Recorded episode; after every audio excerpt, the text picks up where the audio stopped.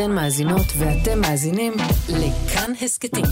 כאן הסכתים, הפודקאסטים של תאגיד השידור הישראלי.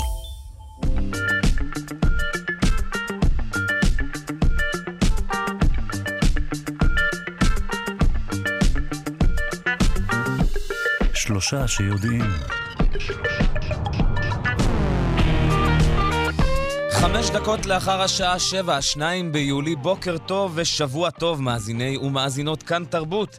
אנחנו שלושה שיודעים, תוכנית המדע והידע של ישראל. אני עמיתי פוקמן, פותח איתכם את הבוקר הזה במקום שרון קנטור. נאחל לה מכאן בריאות וחזרה מהירה לשגרה. אנחנו עם שורה של נושאים מעניינים הבוקר.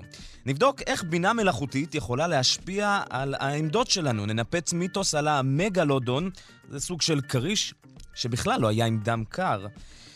גם נשאל איך תורת היחסות של איינשטיין עדיין עוזרת לנו לזהות גלי כבידה, וגם על הרי געש וחיסון לשלווקת חוגרת ופינת האומנות, תולדות התזונה וגם הקתדרה למוזיקה עם דוקטור זורמן, ועוד ועוד ועוד ועוד ככל שיותיר לנו הזמן. בצוות התוכנית אלכס לויקר היא ערכה. טל ניסן הבוקר בהפקה ועל הביצוע הטכני דימה קרנצוב. נזכיר שאנחנו זמינים גם בקבוצת פייסבוק, כאן שלושה שיודעים. נזמין אתכם ואתכן לעמוד האינסטגרם שלנו. עמוד האינסטגרם החדש של כאן תרבות. זהו, מתחילים.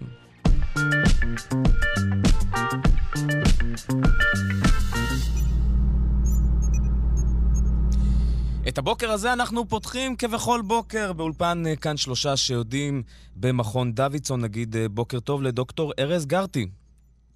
בוקר מצוין. מה שלומך הבוקר?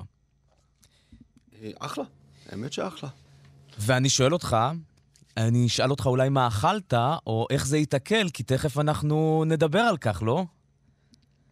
זהו, אם אני אספר מה אכלתי, אני מסתכן בלהסגיר את... את הזלילות הליליות, אז uh, נראה לי שעל זה נוותר. או, זלילות ליליות זה טוב, זה, זה מעניין. אבל... זה יכול משהו בזמן שמתכוננים לבוקר, לא? אז כשאוכלים את הזלילות הליליות, מסתמן, מסתבר שיש אה, כמוסות חדשות שיכולות ללמד אותנו מה קורה במערכת העיכול שלנו. בעצם איזשה, איזשהו פיתוח שמקל על כל, הבדיק, על כל הבדיקות הפולשניות האלה, נכון? שאנחנו, לא נעים לנו, והנה פיתוח חדש יכול להקל וללמד אותנו ב, בכמעט אפס פולשנות, אפשר להגיד. להקל בה' ולא בעין, אבל כן. אה, הוא, יכול, הוא יכול ללמד אותנו גם לתת לנו הרים וגבוהות של מידע. זאת אומרת, זה, זה מעבר ל- להקל על הבדיקה, זה גם לתת לנו רבדים חדשים של, של מידע ש, שלא היו נגישים לנו קודם. אבל אני רוצה שנייה לחזור אחורה, לדבר רק בכמה מילים על מערכת העיכול, רק שנבין את, ה, את האתגרים. כן.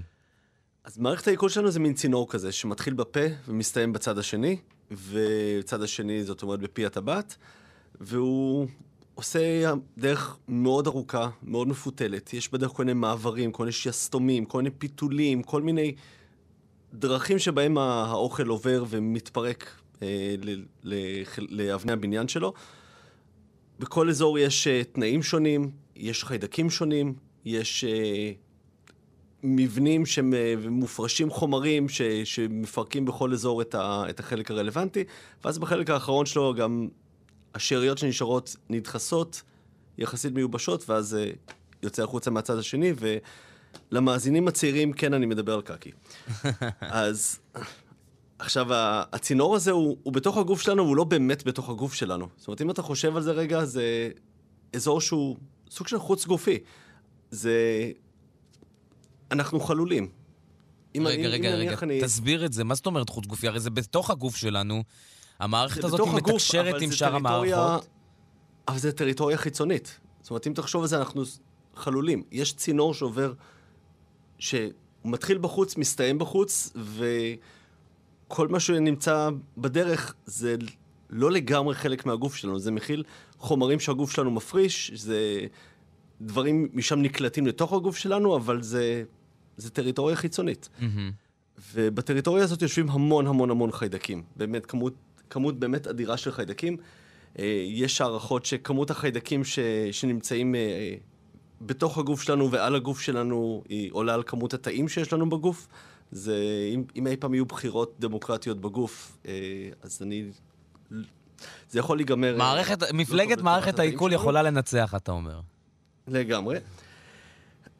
אבל העניין שאם אני רוצה לחקור את המערכת הזאת ו- ולקחת ממנה דגימות או לצלם, לראות מה קורה, זה לא כל כך פשוט. זאת אומרת, אני, אני צריך לקחת איזשהו סיב, ואני צריך להתקין בקצה שלו מצלמה, או להתקין איזשהו, איזושהי קפסולה שתאסוף לי את, ה, את הדגימה מאיפה שאני, מאיפה שאני רוצה, ואז אני צריך להביא את זה למקום שאותו אני רוצה לדגום. אז אם זה החלקים העליונים של מערכת העיכול, אז אני צריך להיכנס מלמעלה, מהפה, ואם זה החלקים התחתונים של מערכת העיכול, ובכן... בהצלחה לכולם. זה לא, לא, לא, נשמע, לא, נשמע, לא נשמע כמו כיף גדול, זה מצריך טשטוש או הרדמה. אה, לפעמים זה מצריך גם טיפול באנטיביוטיקה, שזה בכלל משבש את התוצאות, ואז ה- המידע שאנחנו מקבלים הוא מידע חסר. עכשיו, מה שקבוצה של חוקרים מקליפורניה, ביחד עם אה, חברת ביוטק אה, מקומית בשם NVivo Bio, מה שהם עשו, הם פיתחו קפסולה, שהקפסולה הזאת מצופה באיזשהו ציפוי שמגן עליה מפני אזורים שונים במערכת העיכול, ובפנים יש לנו מין שסתום חד-כיווני כזה עם מיכל קטנטן. כמה קטנטן? נפח של 400 מיקרוליטר. מיקרוליטר זה מיליונית המטר, זה אומר שזה פחות מחצי מיליליטר. נפח ממש ממש קטן.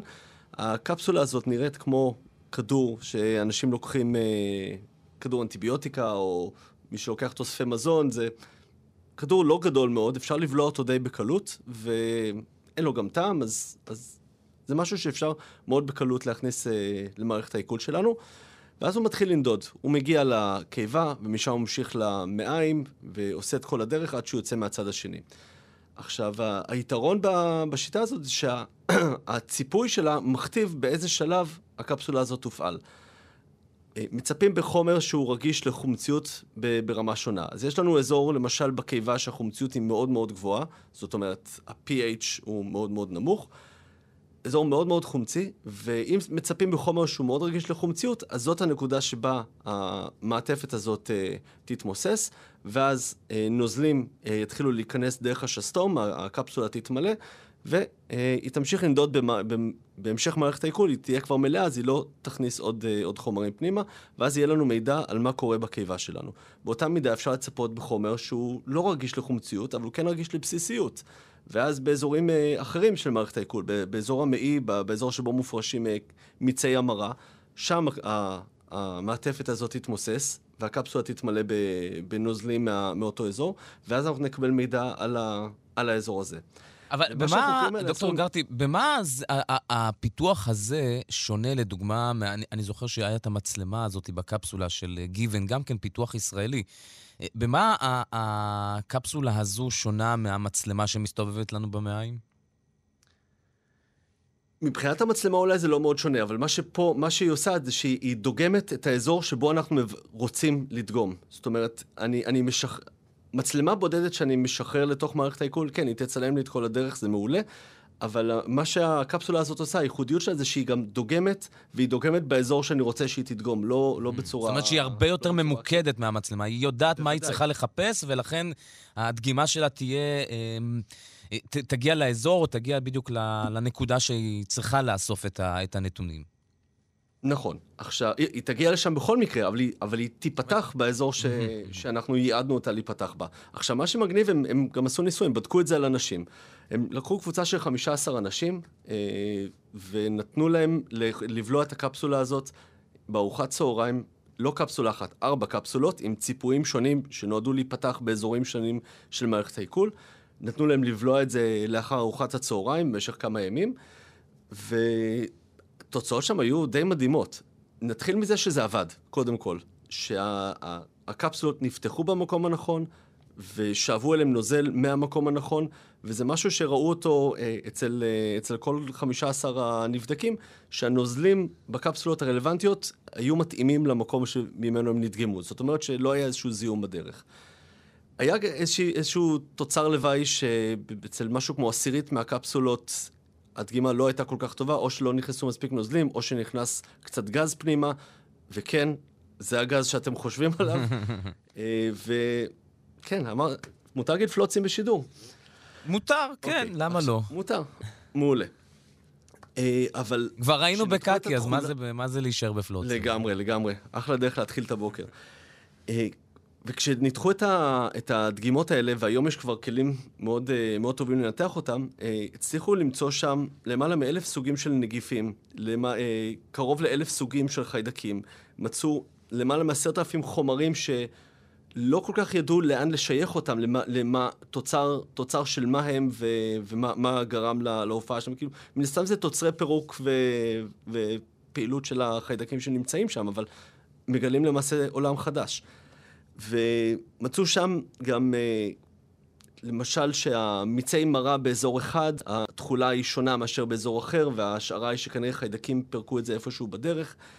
מצאו שאנשים שטופלו בטיפול אנטיביוטי, התכולה של המעיים שלהם הייתה מאוד שונה מאנשים שלא טופלו בטיפול אנטיביוטי. אני, אני רוצה לשאול אותך, אם זה, אה, רגע, אולי אם אני מבין נכון את המערכת הזאת, איך היא עובדת, ואני לוקח את זה כמה צעדים קדימה, זה בעצם טכנולוגיה שיכולה בעתיד אולי להחליף בדיקות אחרות גם בחלקים אחרים בגוף, אה, אה, ב, לא בצורת קפסולה, אבל יש פה ממש טכנולוגיה של שאיבת מידע אה, ייעודי, כמעט כמו ביופסיה, אפשר להגיד.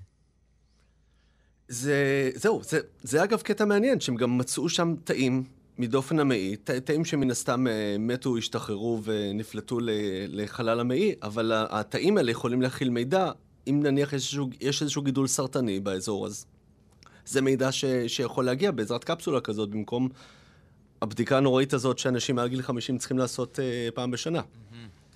אז כן, אז זה משהו שעקרונית, ב, היתרון של המעי זה שזה, שזה צינור גדול ושהקפסולה יכולה לעבור מקצה לקצה. לא הייתי עושה, לא הייתי משחרר דבר כזה, לא בגודל כזה לפחות, uh, למערכת הדם למשל, אבל, אבל כן, זה, הרעיון עצמו הוא רעיון יפה של לשלוח איזשהו בוט קטן שידגום לנו מאזורים שונים מבלי שאנחנו נצטרך לפתוח את הגוף ולהיכנס לשם בעצמנו. אגב, לס, לסיום, איך בסוף המידע הזה מגיע לצוות החוקרים שאמורים אה, להבין ולנתח?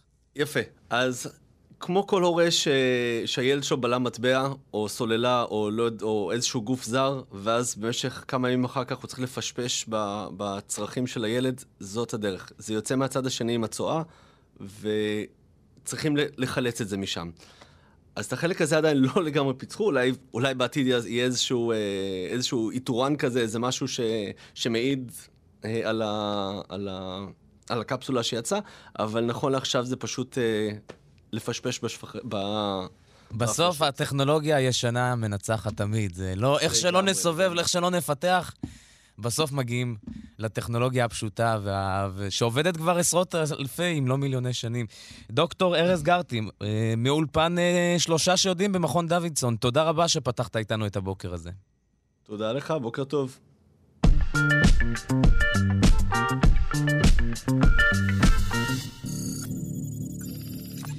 עכשיו נדבר על בינה מלאכותית וכיצד אה, בינה מלאכותית יכולה להשפיע על העמדות שלנו. נשוחח על כך עם דוקטור ליאור זלמנסון, חבר סגל בכיר בפקולטה לניהול על שם קולר באוניברסיטת תל אביב. בוקר טוב. בוקר טוב. זה מחקר שגם אתה היית שותף לו, נכון?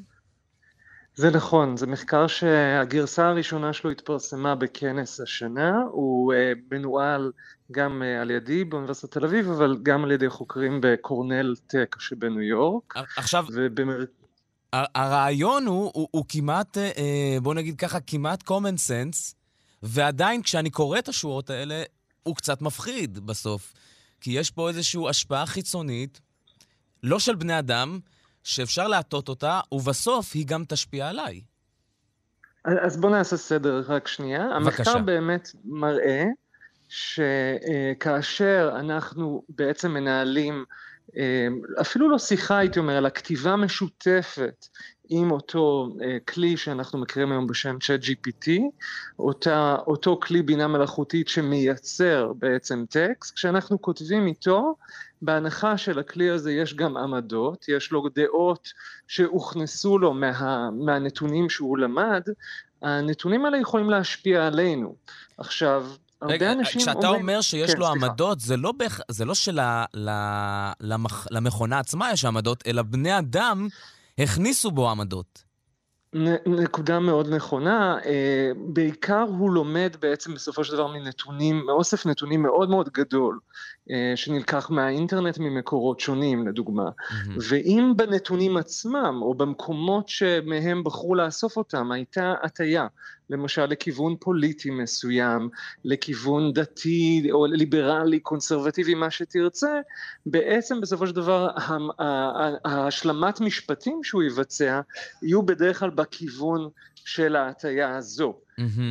וזה בדרך כלל לא מכוון, אבל לא מן הנמנע שיהיו גופים בעתיד, וזה מה שאנחנו מנסים לטעון במאמר, שישתמשו בכלים האלה בצורה מוטעת. זאת אומרת, אפשר בקלות לבנות כלי כזה שהנתונים שלו יהיו מוטים. אז בוא נדמיין שאתה באתר כלשהו, אה, והם רוצים אה, לשנות את עמדתך לגבי אה, הרצון שלך ברכישת מוצר מסוים. אין בעיה להזין את זה אה, למשל ברשת חברתית, לתת לך כלי נחמד כזה שעוזר לך לכתוב פוסטים או לכתוב את עמדתך ובעצם בכתיבה ייכנסו רעיונות שהם לא, לא שלך בדיוק או לא, או לא שלך והבעיה היא שאנחנו מייחסים הרבה פעמים את אותם רעיונות אלינו, כלומר אנחנו כותבים עם המכונה, המכונה משלימה את המשפטים שלנו, כמו שאנחנו מכירים נגיד בחיפוש בגוגל שעושה אוטו קומפליט, mm-hmm. אבל אחרי זה כשאנחנו מסיימים את הכתיבה, אנחנו מאמצים את הדעה שכרגע כתבנו או נכתבה חלקית על ידי המכונה, זה מה שאנחנו רואים בניסויים. עכשיו, אה, כי מה? כי אנחנו סומכים על המכונה שהיא אוביק, אובייקטיבית, אנחנו סומכים על המכונה שהיא למדה מספיק והיא תוכל לתת לנו מידע, זה, יש לנו איזשהו אה, רגש של ביטחון כשאנחנו מדברים עם מכונה לעומת בני אדם, או שזה דומה בממצאים גם לבני אדם? זו שאלה מעולה. הנקודה המרכזית היא שיש פה כמה דברים אה, שכנראה פועלים ביחד. יש פה אה, מצד אחד באמת, כמו שאתה אומר, תחושה של אוקיי, המכונה יודעת משהו. עצם זה שהיא מנסחת משפטים, אנחנו משתכנעים מעצם הטיעון. בניסוי המקורי, הטיעון היה האם מדיה חברתית טובה או רעה. ואז כשהמשתמשים, משתתפים, אה, בעצם כתבו ביחד עם המכונה, עם האלגוריתם, הם נחשפו לטענות, ועוד הטענות האלה נכתבו בגוף ראשון, כאילו הם הטענות שלי. אז יש פה איזשהו מרכיב של אינפורמציה, אבל לטעמנו זאת לא כל התמונה. Mm-hmm. יש גם מרכיב נורמטיבי מסוים, זאת אומרת מרכיב שקשור לסמכות שיש לכלי הזה אה, עלינו, ו, ובנוסף לכל יש לנו איזשהו רצון כבני אדם בקונסיסטנטיות, כלומר אוקיי אמרנו שזו הדעה שלנו, חתמנו עליה אז אנחנו ממשיכים להחזיק בה אה, גם אחרי. כל, כל הדברים האלה אנחנו למעשה, מכיוון שנתתי עכשיו רשימה ארוכה של הסברים, אז חשוב לי רק להגיד שבמחקר ההמשך שאנחנו עובדים עליו בימים, אה, אה, ממש ברגע זה, אנחנו מנסים לעשות סדר בין ההסברים השונים ולהראות את הכוח היחסי שלהם. אז, אז בעצם המחקר ההמשך הוא גם ניסיון לראות האם השינוי בעמדות, בעמדות נשאר לאורך זמן, התחזק, נכון. נחלש? נשאר, והאם גם אה, הוא שונה בנושאים. אנחנו כאן יכולים להגיד, אני כבר יכול לחשוף כמה דברים. אחד זה שאם באמת אתה מאוד מאוד רחוק מהעמדה, למשל אתה, אה, אתה אדם מאוד מאוד ליברלי ואני מנסה לשכנע אותך למה אה, צריך להיות, למה הפלות צריכות לא להיות חוקיות, יהיה לי מאוד קשה לעשות את זה. זאת אומרת, אתה מחזיק כבר בדעות מאוד מאוד חזקות. Mm-hmm. ברור שהאפקט הוא הרבה יותר חזק שאין לך כמובן עמדות מאוד מאוד דומיננטיות. זאת אומרת שזה כלי לחיזוק עמדות קיימות, שזה לא מעט, כן? כי אז בעצם אנחנו גם... כולם מסתגרים בעמדות שלנו ולא מצליחים... אה, להיות אה, אה, צרכנים בשוק הדעות. באיזשהו מקום כן, זה יכול להיות גם, אפשר, אפשר לגמרי להסתכל על זה גם בצורה חיובית, של לעזור לך להתגבש מאי ודאות עמדה טיפה יותר ברורה, אבל מה שחשוב לי להגיד זה שרבים אומרים, וגם כאלה שקראו אה, את התקציר של המאמר שלנו בתקשורת, אמרו, אבל מה חדש בזה? בעצם כולנו משכנעים, כולנו משתכנעים מהתקשורת, מדמויות, מאינפלואנסרים. אני, אני חושב שמה שחדש, או, או מה שמפחיד אותי כ, כמי שקרא את זה, ו, ו, mm-hmm. זה ש... בגוגל, באמזון, בפייסבוק, בכל הרשתות החברתיות זה כמעט היה ברור מאליו. בגלל זה גם בהתחלה אמרתי, זה, אוקיי, זה common sense ש, שמשפיעים עלינו, שמשנים את זה, שמתאים גם מסיבות צרכניות, גם מסיבות מסחריות, אבל היה, הייתה איזושהי תקווה שהבינה המלאכותית לוקחת אותנו למקום מעט יותר אובייקטיבי, והנה, כנראה שלא. אז, אז זה דבר אחד מאוד נכון, אבל אני אספר לך עוד משהו שהוא חדש לנו. אנחנו קוראים לתופעה הזאת באיזשהו מקום שכנוע מאוחר או הבנה שכנוע לטנטי, איזושהי, אנחנו בעצם במילים אחרות לא ממש מבינים ששוכנענו, וזה הדבר הכי מפחיד בעניין. כשאנחנו שואלים את המשתמשים אחרי זה, א', האם הכלי שכנע אותך? הם לא מודעים ברמה גבוהה לזה שהם עברו תהליך שכנוע, הם אפילו חושבים שהכלי היה די מאוזן, הם לא שמים לב להטייה בדעות שלו. Mm-hmm. וכל הדברים האלה הם, הם דברים שלא הכרנו ממחקרי שכנוע אחרים. כלומר, אנחנו מרגישים שהחשש הגדול זה שא', כמו שאתה אומר, השכנוע לא נבנה לתוך הכלי באופן מכוון, השכנוע הוא כמעט, הייתי אומר, אה, תופעת לוואי. אין פה ניסיון באמת באמת לשנות את דעותיך של המתכנתים, ומצד שני אני גם לא מודע לזה שאני לא מייחס את השכנוע אבל, אל ה... אבל כיוון שזה פתוח ו- וכולנו יכולים להשפיע על צ'אט GPT, זה לא לגמרי בידיים של המתכנתים, זאת אומרת, ופה אני שואל אותך דווקא, אולי לא בתוך המחקר שלך, אבל כמי שעוסק בתחום, האם אתם כבר מזהים אה, מגמות של תנועות פוליטיות, חברות גדולות, שמנסות בכוח להשפיע על עמדות דרך ChatGPT? ChatGPT כמובן הוא של חברה אחת ספציפית, OpenAI, והם משתמשים במה שנקרא קורפוס. או כל בינה מלאכותית אחרת, כן. נכון, אז כל בינה מלאכותית אחרת בהחלט, אנחנו נראה בשנים הקרובות ככה חוששים ובצדק מסוים, כל מיני סוגים של כלים שנכנסים לכל מיני סוגים של אתרים, אנחנו לא תמיד נדע על איזה נתונים הם התאמנו, אנחנו לא נדע מה הולך מאחורי הקלעים, אבל, ולכן אני גם צופה שאנחנו נצטרך אוריינות מסוימת, כמו שאנחנו שומעים על uh, מיסאינפורמציה, דיסאינפורמציה ברשת, אינפורמציה פייק, אז אנחנו גם עם בינה מלאכותית נצטרך להיות מאוד מאוד סקפטיים. Uh, חברות גדולות, חברות הענק כמו OpenAI, גוגל, הם מבטיחים לנו לפחות שזה אומן על כל כך הרבה טקסטים שלא אמורה להיות שם איזושהי הטיה קיצונית, mm-hmm. לפחות בנושאים הרווחים. נמשיך לעקוב אחרי ההתפתחות של הבינה המלאכותית והמחקר שלכם. דוקטור ליאור זלמנסון, חבר סגל בכיר בפקולטה לניהול על שם קולר באוניברסיטת תל אביב. תודה רבה לך, בוקר טוב. תודה רבה, בוקר טוב. מגלודון זה מין כריש כזה, הוא מאוד מאוד ענק והוא נכחד לפני קצת יותר משלושה מיליון שנים וחצי. אה, למה הוא נכחד, ולמה עכשיו יש איזה מיתוס סביבו שמנופץ, נשוחח על כך עם דוקטור אבי ברנס, שהוא ביולוג ימי בחוג לאוקיינוגרפיה באוניברסיטה העברית. בוקר טוב לך. בוקר טוב. דוקטור אבי ברנס, קודם כל ספר לנו מי זה המגלודון הזה. מגלודון זה, ה... זה הסבא של הכריש הלבן למעשה. אה, הוא היה ענק, והיה כנראה טורף העליון. מה זה ענק? תתאר לנו רגע במטרים. הוא היה יכול להגיע לפי השיניים שלו, אה, שמצאו במאובנים, אה, יכולים... משערים שהוא היה יכול להגיע עד ל-20 מטר, משהו כזה. ובמים זה דבר גדול. שהוא היה, אז מה, הוא היה הכי גדול בתוך ה... כן, כן, כן, הוא היה... הכי הכי גדול, והיה כנראה טורף אה, ענק. אבל איך, שוב, איך זה הגדול... רק אה, שרזור. איך הגדול הזה, איך הענק הזה לא הצליח לשרוד? אה, תראה, לא תמיד הגודל קובע. זה נכון. תראה, יש הרבה, הרבה סיפורים, גם הדינוזאורים נעלמו, יש כל מיני השערות, אבל תראה, אפשר לחשוב שאולי בהיעדר מזון, אולי מחלות, אולי... קשה לדעת, קשה לדעת, אבל אה, תקופת הקרח גם הקרידה הרבה מאוד מינים.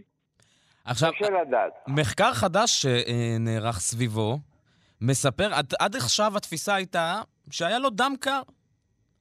והנה בא אה, אה, מחקר שאומר, לא כך הדבר, כנראה ש... שהיה לו דם חם. קודם כל, אם אתה יכול לעשות לנו, מה זה אומר דם קר, דם חם? כן, כן, דם קר זה, זה סתם ביטוי.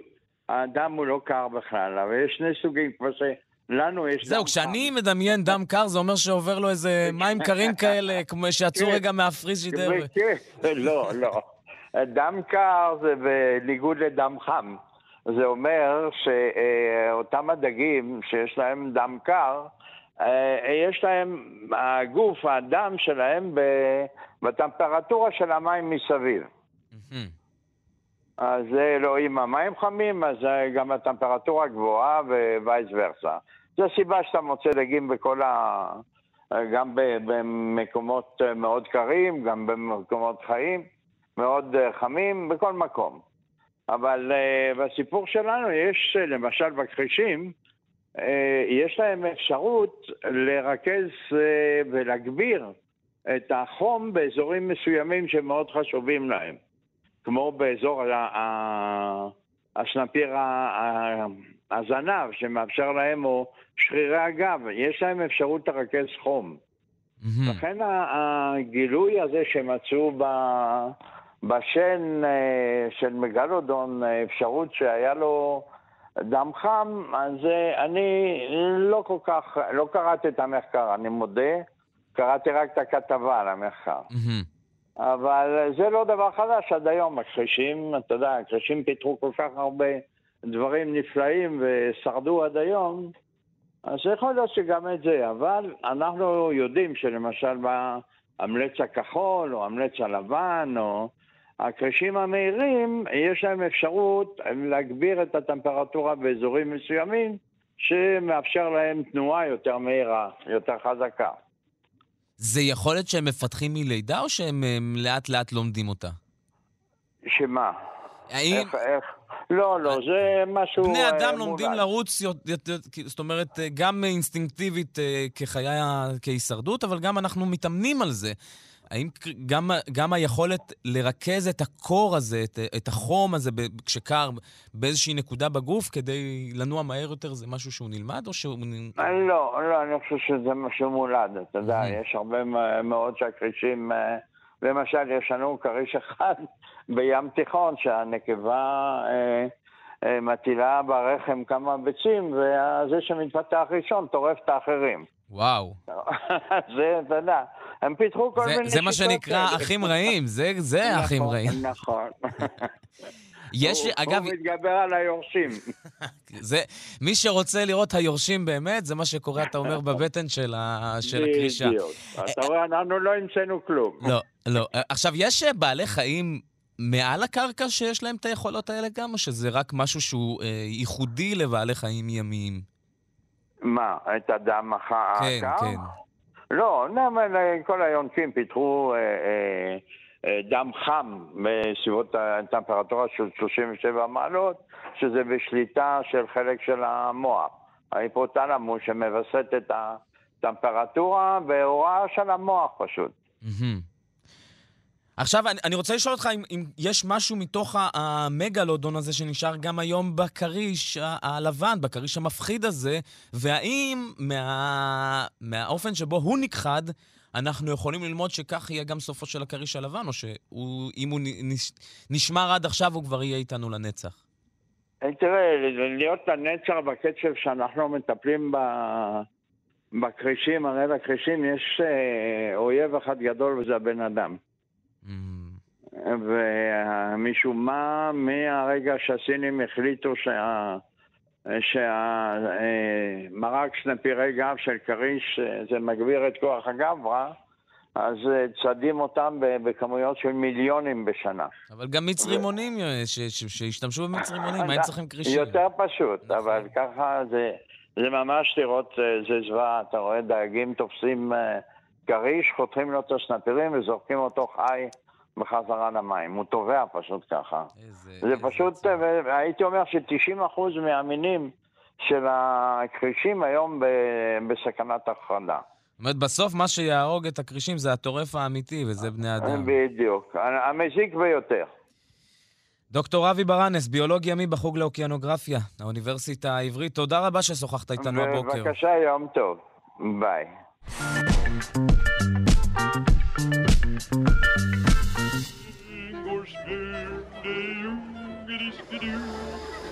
אנחנו ממשיכים בפינת תולדות התזונה האנושית, ונגיד בוקר טוב לדוקטור אורי מאיר צ'יזק, מומחה להיסטוריה של התזונה והרפואה. בוקר טוב לך. בוקר אור. אנחנו עוברים בין מהפכות למהפכות, עכשיו אנחנו עוברים למהפכה חדשה, היא נקראת מהפכת מוצרי המשנה. אה, תסביר לנו על זה קצת. מה זה המהפכה אה, הזאת, מה היא כוללת ומה למדנו בני האדם בשלב הזה? בדיוק, אז אנחנו מתחילים היום מהפכה חדשה, מהפכה שנקראת אה, מהפכת מוצרי המשנה. זו מהפכה שהתרחשה לפני בין 4,000 ל-6,000 שנה. אנחנו נדבר על המהפכה הזאת בשיחות הקרובות שלנו, במספר שבועות הקרובים. רק כדי למקם, מה המהפכה לפני כן? לפני כן היינו במהפכה החקלאית, בין עשרת אלפים לחמש עשרה אלף שנה, וצריך להגיד, אולי בהזדמנות זו, שמהפכת מוצרי המשנה היא מהפכה עוקבת למהפכה החקלאית. זאת אומרת, שהיא איזשהו סוג של התפתחות של המהפכה החקלאית. בעצם במהפכה החקלאית התחלנו לגדל את האוכל שלנו ב, בשדות, בחקלאות, או לראות עדרים, זה גם סוג של אה, חקלאות, והאוכלוסייה מאוד מאוד התרבתה. ולכן היה צורך קצת להשתכלל, למצוא כל מיני דרכים לייעל מאוד את החקלאות שלנו כדי לייצר יותר מזון לאוכלוסייה שהלכה וגדלה. והדרך לעשות את זה הייתה, אה, במקרה של, המהפ... של מהפכת מוצרי המשנה, להשתמש בבעלי החיים לא רק בשביל הבשר שלהם. זה בעצם השינוי הגדול שהתרחש במהפכת מוצרי המשנה. זאת אומרת, ת, תסביר. קודם... אם קודם אכלו את בעלי החיים בשביל הבשר שלהם, אז לדוגמה, ב... כשאתה מגדל שדה חיטה, אז השינוי העיקרי שהתרחש במהפכת מוצרי המשנה היה שהתחלנו לחרוש עם בעלי חיים באמצעות בעלי חיים את האדמה ולהעביר אוכל ממקום למקום, השתמשנו בהם לתעבורה.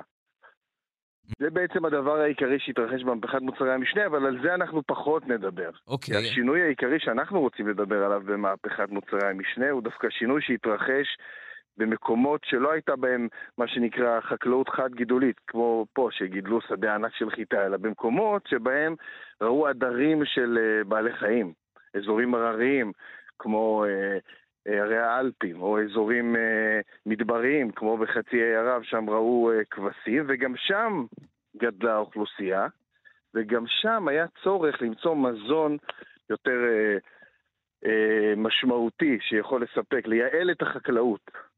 ושם השיטה הייתה בעצם שבמקום רק לאכול את הבשר של בעלי החיים, התחילו לחלוב אותם. כי בעצם אה, ברגע שאתה חולב את בעל החיים ומשתמש בגבינות שלו, או במוצרים שאתה מייצר מהחלב, אתה יכול גם ליהנות מהחלב שלו, וגם בהמשך כמובן ליהנות מהבשר שלו. זאת אומרת שעד לאותו רגע בני אדם לא חשבו שבבעל החיים הזה שעומד מולם, שעד, שעד עכשיו צדנו אותו, ובהמשך גידלנו אותו, עד עכשיו לא יכולנו להשתמש בו בשום דרך אחרת מלבד אה, לאכול את בדיוק. בשרו? ממש ככה. זה קרה רק לפני בין 4,000 ל-6,000 שנה, שזה ממש קרוב אלינו. Mm-hmm. ודרך אגב, איך אנחנו יודעים את זה? שזה הסיפור המעניין שלנו היום. אנחנו יודעים את זה בזכות תופעה שנקראת אי סבילות ללקטוז. אה, אני אסביר אותה בקצרה. זו התופעה, בוא נגיד ככה. התופעה, בדיוק, בדיוק. אז בחלב, בחלב של כל בעל חיים יונק, יש אה, סוכר שנקרא לקטוז. הסוכר הזה הוא דו-סוכר, מה, מה אומר שהוא מורכב משני חד סוכרים, משני אה, שני מולקולות של סוכר. אחת נקראת גלוקוז, והשנייה נקראת גלקטוז. Mm-hmm. עכשיו, הדבר הראשון שלומדים כשלומדים סוכר, זה שהגוף שלנו מסוגל להשתמש ולהכניס למחזור הדם אך ורק חד סוכרים. זאת אומרת, כדי להשתמש בסוכר, אנחנו צריכים קודם כל להיות מסוגלים לפרק אותו לחד סוכרים. אם פגשנו דו-סוכר או רב סוכר. אוקיי. Okay. עכשיו, בגלל שבכל חלב יש את הלקטוז הזה, שהוא דו-סוכר, כל תינוק אנושי נולד במערכת העיכול שלו עם אנזים, שנקרא לקטז, כן. והתפקיד שלו זה לפרק את הלקטוז, כי אם הוא לא יכול לפרק את הלקטוז שנמצא בחלב אם, הוא לא היה שורד. Mm-hmm. הוא לא היה מקבל סוכר. עכשיו, האנזים הזה נמצא בתוך מערכת העיכול של התינוק לאורך כל גיל הינקות. שזה, אנחנו, אנחנו, אתה יודע, אנחנו קצת uh, צמצמנו את גיל הינקות, אבל גיל הינקות לאורך האבולוציה שלנו היה בין גיל 5 ל-7. ואחרי גיל הינקות, אחרי שהתינוק או הילד מסיים לינוק, האנזים הזה נעלם. ואז okay? אוקיי? אנחנו בעצם לא אמורים לצרוך יותר לא אמורים להיות ה... מסוגלים לפרק את החלב, נכון. עכשיו, מה קרה מבחינה אבולוציונית? במקומות שבהם היה הכרח לצרוך חלב, כי היה צריך להגדיל את כמות האוכל כדי לספק אוכל לכל האוכלוסייה, אנשים שהיה להם, הייתה להם תקלה מוטציה, וריאנט, מה שאנחנו קוראים היום, שהם הצליחו לפרק את הלקטוז גם אחרי גיל הינקות, היה להם יתרון אבולוציוני. ולכן במהלך ה-4,000 עד 6,000 שנים האחרונות, התכונה הזאתי באזורים האלו הלכה והתרבתה. מה זאת אומרת? אה, ככל שבמקום מסוים צרכו יותר חלב לאורך ההיסטוריה, כיום תהיה שם יותר סבילות ללקטוז. יותר אנשים שמצליחים לפרק את הלקטוז גם אחרי גיל הינקות. ככל שלא צרכו חלב לאורך ההיסטוריה במקום הזה, תהיה פחות סבילות ללקטוז. ככה אנחנו יודעים איפה צרכו חלב לאורך ההיסטוריה בעולם. עכשיו, 4,000, 6,000 שנים, זה מספיק זמן אבולוציונית כדי לפתח ממש, אה, לא יודע, אומה, תרבות, קהילה שלמה, שהיא כן. לגמרי מתגברת על, ה, על, ה, על הקושי הזה של הגוף? אז, אז מהבחינה הזו כן, מהבחינה הזו כן. תראה, אנחנו היום יודעים ככה, ב, אתה יודע, ב, יש רצועה שמתחילה מהאלפים ונגמרת בצפון סין, רצועת הרים שבה הם היו רועים. ששם אחוז הסבילות ללקטוז הוא בין 80 ל-90 אחוז. ככל שתתרחק דרומה מהרצועה הזאתי, הסבילות ללקטוז יורדת. יש מקומות באפריקה עם 2 אחוז סבילות ללקטוז. מקומות בסין עם 10 אחוז סבילות ללקטוז. כן, ככה אנחנו יודעים איפה צרכו חלב לאורך ההיסטוריה. זאת אומרת שעכשיו יכול להיות שאם לדוגמה עם, ה, עם הכפר הגלובלי הזה, עוד אלף שנים גם אותם כפרים באפריקה, בסין, כל מיני מקומות שלא צרכו חלב, יכול להיות שבעוד כן. כמה שנים היא תהיה קהילה שלמה של כפר גלובלי אחד שכבר אה, התגברה על הרגישות ללקטוז, או לא התגברה, אבל היא פחות רגישה ללקטוז. בהחלט. בהחלט. ככל שיעבור הזמן, במקומות שבהם צורכים חלב, אבל מדובר על אלף שנים. אתה יודע, אני ואתה כבר לא נזכה לראות את זה. אבל זה בעצם גם מלמד אותנו על איזו קהילה חשבה אה, במושגים של צריך להכיל כמה שיותר. או בדיוק, היו בה. הרבה אנשים, אפשר גם ללמוד, זה, זה לא רק ה, מה הם צרכו, אלא איך הם חשבו. ו- נכון. ו- ואיך הם זאת... תכננו. זה ממש, אה, זה סוג של לימוד מאוד מעניין על אה, ראשית החקלאות. אתה יודע, וה, והשאלה המעניינת שתעלה מתוך זה, שהיא שאלה שאנחנו כבר נתעסק בה לדעתי בשיחה הבאה שלנו, ניתן אותה כחומר למחשבה אולי, זה מה אחוז הסבילות ללקטוז פה אצלנו. או. וזו זו שאלה מרתקת שעסקו בחוקרים, של... כי אנחנו בעצם פה עם מאוד מורכב. כן, אנחנו פה נמצאים, אה, מה, פחות ממאה שנים כקהילה, נכון, והגענו נכון, מכל נכון. מיני מקומות uh, שבהם... אז, אז השאלה היא מה, מה, מה אחוז הסבילות לקטוז באוכלוסייה הערבית, ומה אחוז הסבילות של לקטוז באוכלוסייה היהודית על פי העדות השונות. זו שאלה שאנחנו נשאיר אותה כחידה. אני, uh, אני רוצה כן. להוסיף עוד חידה. האם לדוגמה... נו. קהילות, תרבויות, אה, עמים, שיש בהם כל מיני אה, אה, חגים או כל מיני מודעות, הרי בעברית מקובל ארץ זבת חלב ודבש. זאת אומרת, יש פה, הנושא של החלב הוא מוטמע אצלנו. האם זה משפיע כתרבות על הרגישות שלנו ועל היכולת שלנו לצרוך לקטוז גם כעם יהודי, לדוגמה? אז אני אתן רמז שהרבה פרשנים אומרים שחלב זה בעצם לא חלב במקרא. אה. לא מדובר בחלב, אלא מדובר בחלב, בשומן. אה, זה הארץ של השומן והסוכר, שזה שני הדברים שאנחנו מאוד מאוד צריכים. אבל זה לא חלב. אז אנחנו, אה, טוב, ו... זו נקודת, נקודת המשך מעניינת לשבוע הבא. נכון, אז השארנו שתי שאלות פתוחות. אחת, מה אחוז הסבילות ללקטוז פה במדינת ישראל? בקרב הקבוצות האוכלוסייה השונות. והשנייה זה איך הצריכה שלנו היום של חלב משפיעה על האי-סבילות. טוב, זה גם מעניין איך זה השתנה ב, ב, ב, בתקופה, כן. עם, ה, עם השינויים, עם העליות, עם הזה, זה נושא נורא מרתק. בדיוק. זה אנחנו נשאיר את כולם במתח לקראת אה, שבוע הבא, זה הכי חשוב. דוקטור אורי מאיר צ'יזק, מומחה להיסטוריה של התזונה והרפואה. תודה רבה לך, בוקר טוב. תודה רבה, בוקר טוב.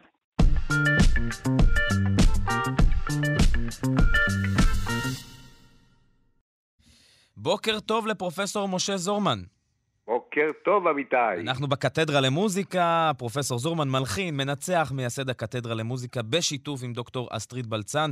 אה, היום השאלה שמלווה אותנו, האם קם לנו כאן, בארץ הקודש, מלחין לאומי בשדה של המוזיקה הסימפונית, שזה בעצם אם אפשר לקטרג, זה כאילו המוזיקה הנחשבת יותר מבין ה...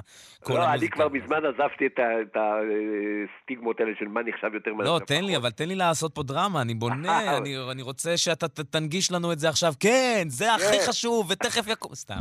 זה באמת חשוב, נכון. קח את זה מכאן. אז זהו, אז כמעט לכל מדינה בעולם המערבי יש מלחין לאומי. מלחין שכל ילד מכיר את תמונתו, שהפסלים שלו מופיעים במקומות ציבוריים מרכזיים, שיש לו לפחות יצירה אחת שהפכה להיות ההמנון הבלתי מוכרז של המדינה. והשאלה היא אם גם אנחנו, אחרי 75 שנות עצמאות, אה, כבר יש לנו דמות שכזו. אז בתחום המוזיקה הפופולרית כבר יש לנו כמה מועמדים. יש לנו את נעמי שמר, משה וילנסקי, סשה אגרוב, ואולי עוד כמה... ברי אה, סחרוף. בעיסר, אולי כמה עוד כמה ממלחיני דור תש"ק. אבל מה קורה, מה שמעניין אותי, בתחום המוזיקה הקלאסית הסימפונית? האם יש לנו כבר מועמד? האם אתה יכול להכריז עליו? אז אני חושב שבתום המסע הקטן שלנו, ננסה להכריז על מועמד כזה.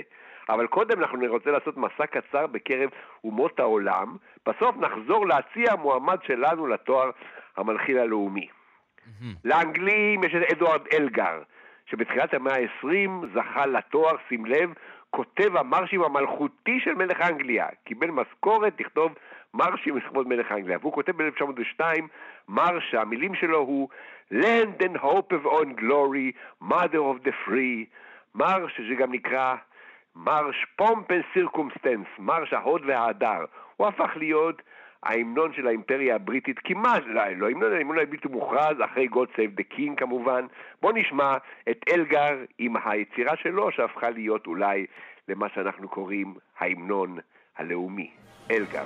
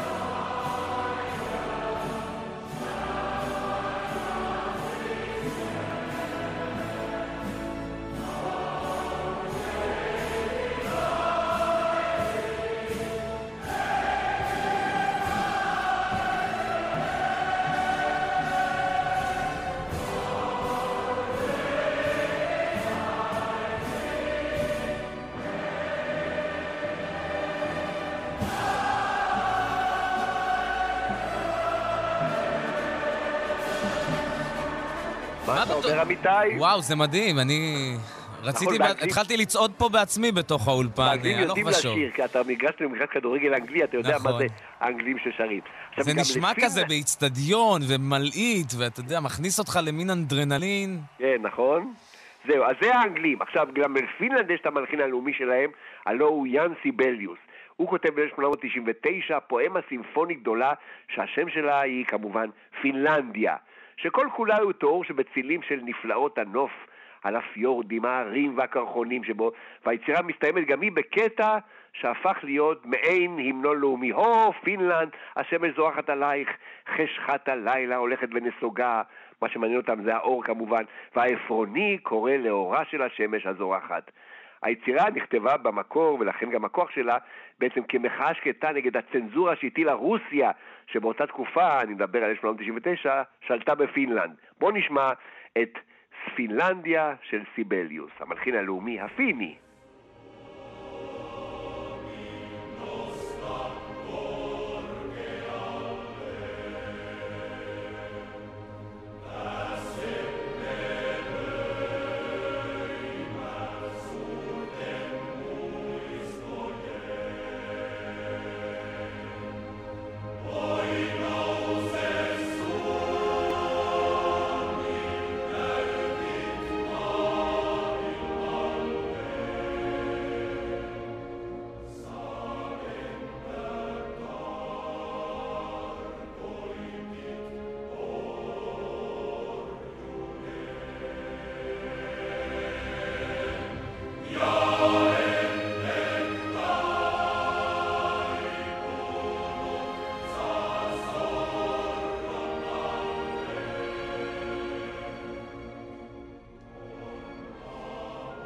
זאת פינלנד? זאת פינלנד. פינלנדיה. עכשיו בוא ניגש לצ'כים. גם לצ'כים יש מלחין לאומי. הלא הוא בדז'יך סמטנה. אם אתה מגיע לפראג, אינך יכול להחמיץ את הפסל שלו שמשקיף על נהר הוולטבה שחוצה את פראג. וסמטנה כותב ב-1874 פואמה סימפונית שנקראת מולדתי. הקטע המפורסם בה נקרא המולדבה או הוולטבה, כמו שאומרים, קטע סימפוני שמתאר את מהלכו של הנהר לאורך המולדת הצ'כית עד שהוא מגיע לפראג. אלה שירים שאנחנו נכיר היטב, כיוון שהם דומים מאוד למנגינה של ההמנון הלאומי שלנו, ועל זה כבר נכתבו כמובן תזות, אבל בואו נשמע, זה מה שהצ'כים לוקחים בתור המלחין הלאומי שלהם. המנגינה של המולדבה או הבלטבה.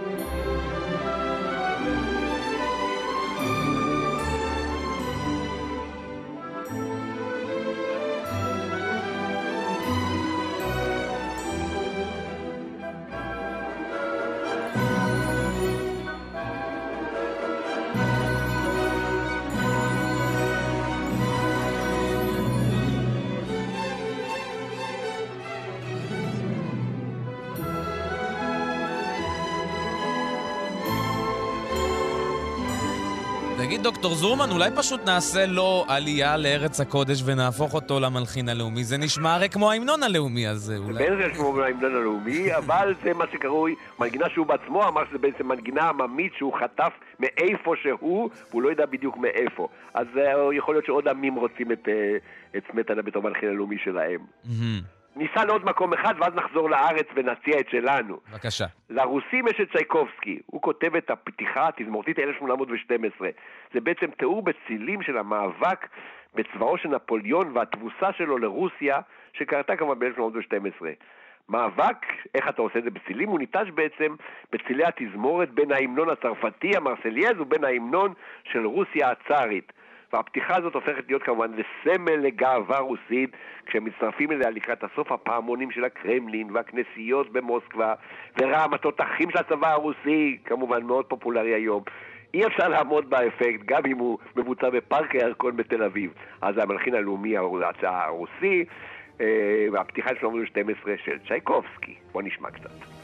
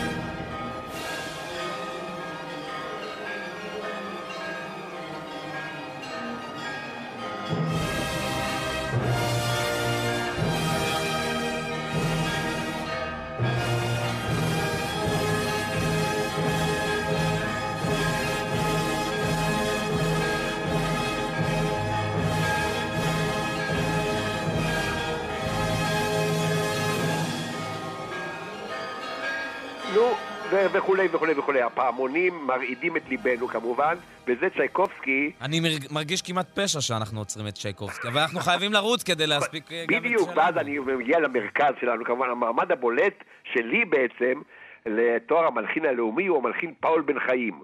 הוא חי בין 1897 ל-1984, מלחין יליד גרמניה, עולה ארצה ב-1933, והופך להיות בעצם הבולט במלחינים, במלחינים הקלאסיים שפעלו בארץ, פאול בן חיים.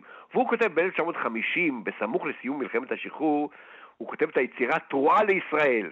היצירה בהתחלה נכתבה עבור תזמורת צה"ל בתור מרש, ואחר כך הפך להיות איזה המנון גדול, היא עובדה עיבוד סימפוני מפואר, זו היצירה הראשונה שבן חיים כתב שהוקלטה על ידי התזמורת הפילהרמונית, יצירה שהופכת להיות לסמל. כל תזמורת ישראלית מגיעה לחו"ל, מנגנת אותה כביטוי למוזיקה האומנותית שנוצרה בארץ. בואו נשמע חלק מתוך היצירה הזאת, מבוצעת על ידי תזמורת צפונית ירושלים, ונשקול ביחד, עמיתי, האם זה התואר שאנחנו יכולים לתת לו. פאול בן חיים, תרועה לישראל, המלחין הלאומי, שלי לפחות.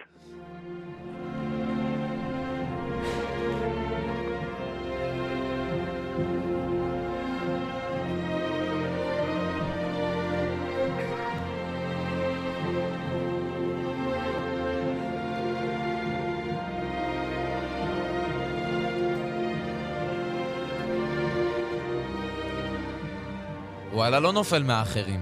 נכון, בוא נשמע עוד טיפה.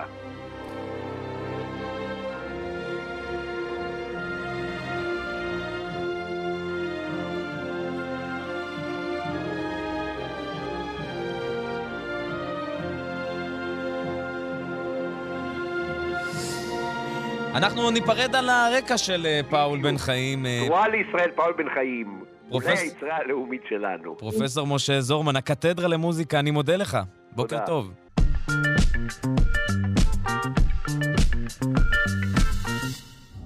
מדענים הודיעו שהם זיהו סוג חדש של גלי כבידה. כן, גלי כבידה בתדר נמוך, והם מתפשטים בקוסמוס. נשוחח על כך עם פרופסור חגי פרץ, אסטרופיזיקאי מהטכניון. בוקר טוב. בוקר טוב.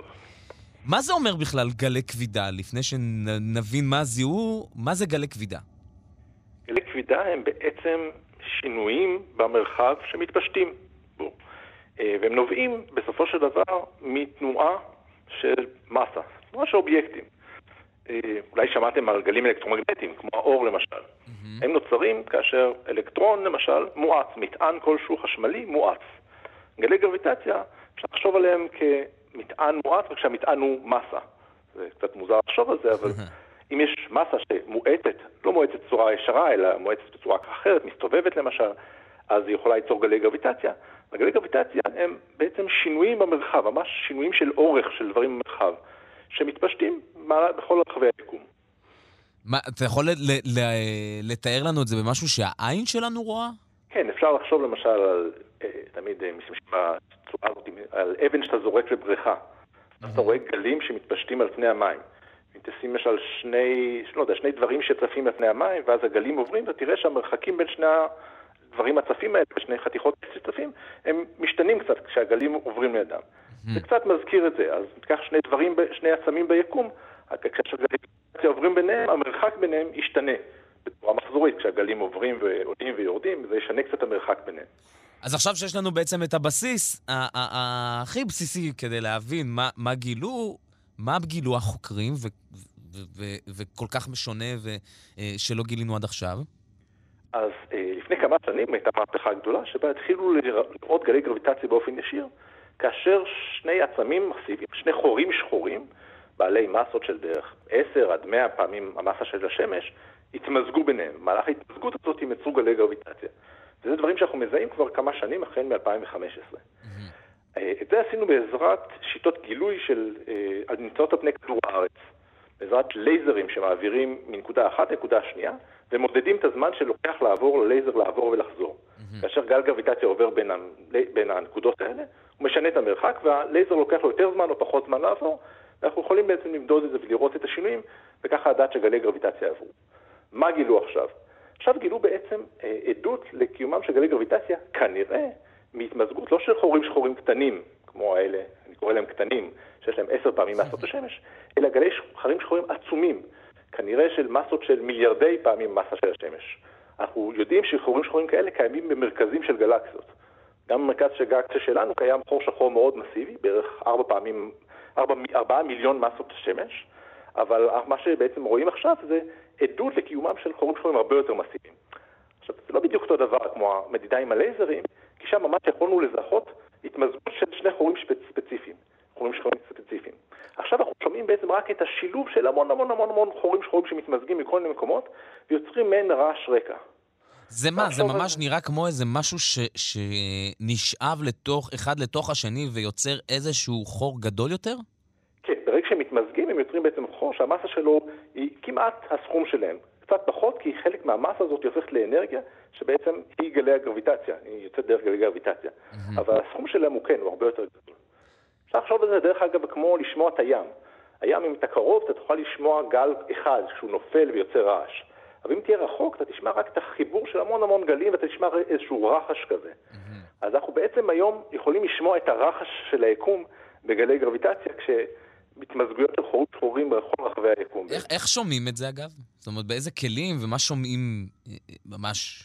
אז בגלל שהאורך גל, האורך של הגלים האלה הוא הרבה יותר גדול, בכדור הארץ למשל, גלי גרביטציה שאנחנו מקשיבים להם במירכאות, הם, הם, מאוד, מאוד, הם, הם אה, מאוד קטנים. אז המרחק, לוקחים לייזרים שנמצאים בנקודות שמודדים את המרחק בין עם לייזר, מרחק של כמה קילומטרים. אבל מה אתה עושה כשיש לך גלים הרבה יותר גדולים? אתה צריך מיליוני קילומטרים, הרבה יותר, אפילו שנות אור. משתמשים ביקום עצמו בתור טלסקופ. לוקחים דברים שקוראים להם פולסרים, זה מין, זה דברים, עצמים שהם כוכבי נקטרונים, שאנחנו יודעים שהם מייצרים אה, גלי רדיו, הם מסתובבים, הכוכבים האלה, וכמו מגדלור, שכל פעם שהוא עובר על פנינו אנחנו רואים אור, אז כל פעם שהגלי רדיו מהעצם המסתובב הזה מגיעים אליהם, אנחנו רואים כמו פולס. אנחנו רואים פולסים שמגיעים באופן קבוע, ממש טיק טוק מאוד מאוד קבוע ומדויק. יש לנו הרבה פולסרים כאלה בכל רחבי היקום. עכשיו, זוכר שדיברנו על הלייזרים, שאתה יכול למדוד כמה זמן לוקח להם ללכת ולחזור, ואם המרחק ביניהם משתנה, זה ישנה את הזמן. הפולסרים האלה, אנחנו יודעים מה המרחק שלהם, אנחנו יודעים שהם ייתנו טוק כזה, טוק טוק ופולס כל כמה זמן. אז אם גל גרביטציה עובר בינינו ובין כוכב הנייטרונים, זה הפולסר, המרחק בינינו ישתנה. אז המרחק ישתנה, זה אומר שהזמן שייקח לפולסר הזה להגיע יהיה קצת יותר ארוך או קצת יותר קצר. אז אנחנו מודדים את השינויים האלה בעצם בפולסים, שינויים מאוד מאוד מאוד מזעריים.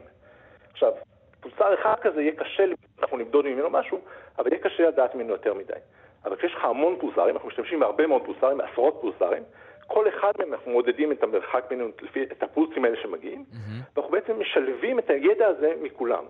למשל, גל גרביטציה יכול לבוא מצד אחד, אז הוא ישנה את המרחק בינינו לבין פולסר אחד בצורה מסוימת, ובינינו פולסר אחר בצורה אחרת, כי הגל עובר מכיוונים שונים, בצורות שונות, משנה את המרחקים באופן שונה. אז השילוב הזה של כל המדידות מכל הפולסרים הוא מה שבעצם נותן לנו את האות המיוחד הזה. מעבר לשעשוע הפיזיקלי, שאני בטוח שמרתק, אה, אה, ב, אני יודע, בפקולטות ואת המדענים, מה ההשלכות הפרקטיות, היישומיות של הדבר הזה על החיים שלנו? איך זה עוזר לנו להבין טוב יותר את, את, את הכדור, או את, בכלל את המרחב שאנחנו נמצאים בו? אז יש לזה מענה בכמה רמות. הרמה אה, הראשונית בעצם היא הרמה המהותית של, בתור בני אדם, אנחנו מתעניינים ביקום, איך הוא נוצר, איך הוא התפתח, זאת אומרת, שאלות קיומיות בסיסיות. במובן הזה, כל המדע נותן לנו הבנה של הדברים האלה, וגם פה הבנה של חורים שחורים סופר מסיביים, מפלצות כאלה, איך הן קשורות להתפתחות של היקום, כי יש להן תפקיד מאוד חשוב בהתפתחות של גלקסיות למשל. אז הדברים האלה פשוט מתוך עניין ומתוך הרצון של להבין את היקום עצמו. הרמה היותר עמוקה של המדע היא שהמדע אנחנו לא יודעים איך הוא בעצם מתקדם, למה הוא יוביל. יש, אה, יכול לספר מיליוני סיפורים על איך המצאות מדהימות שמשמשות לנו כיום התחילו מכל מיני מדע שבחלוטין לא קשור לכלום ונשמע הכי תאורטי שבעולם.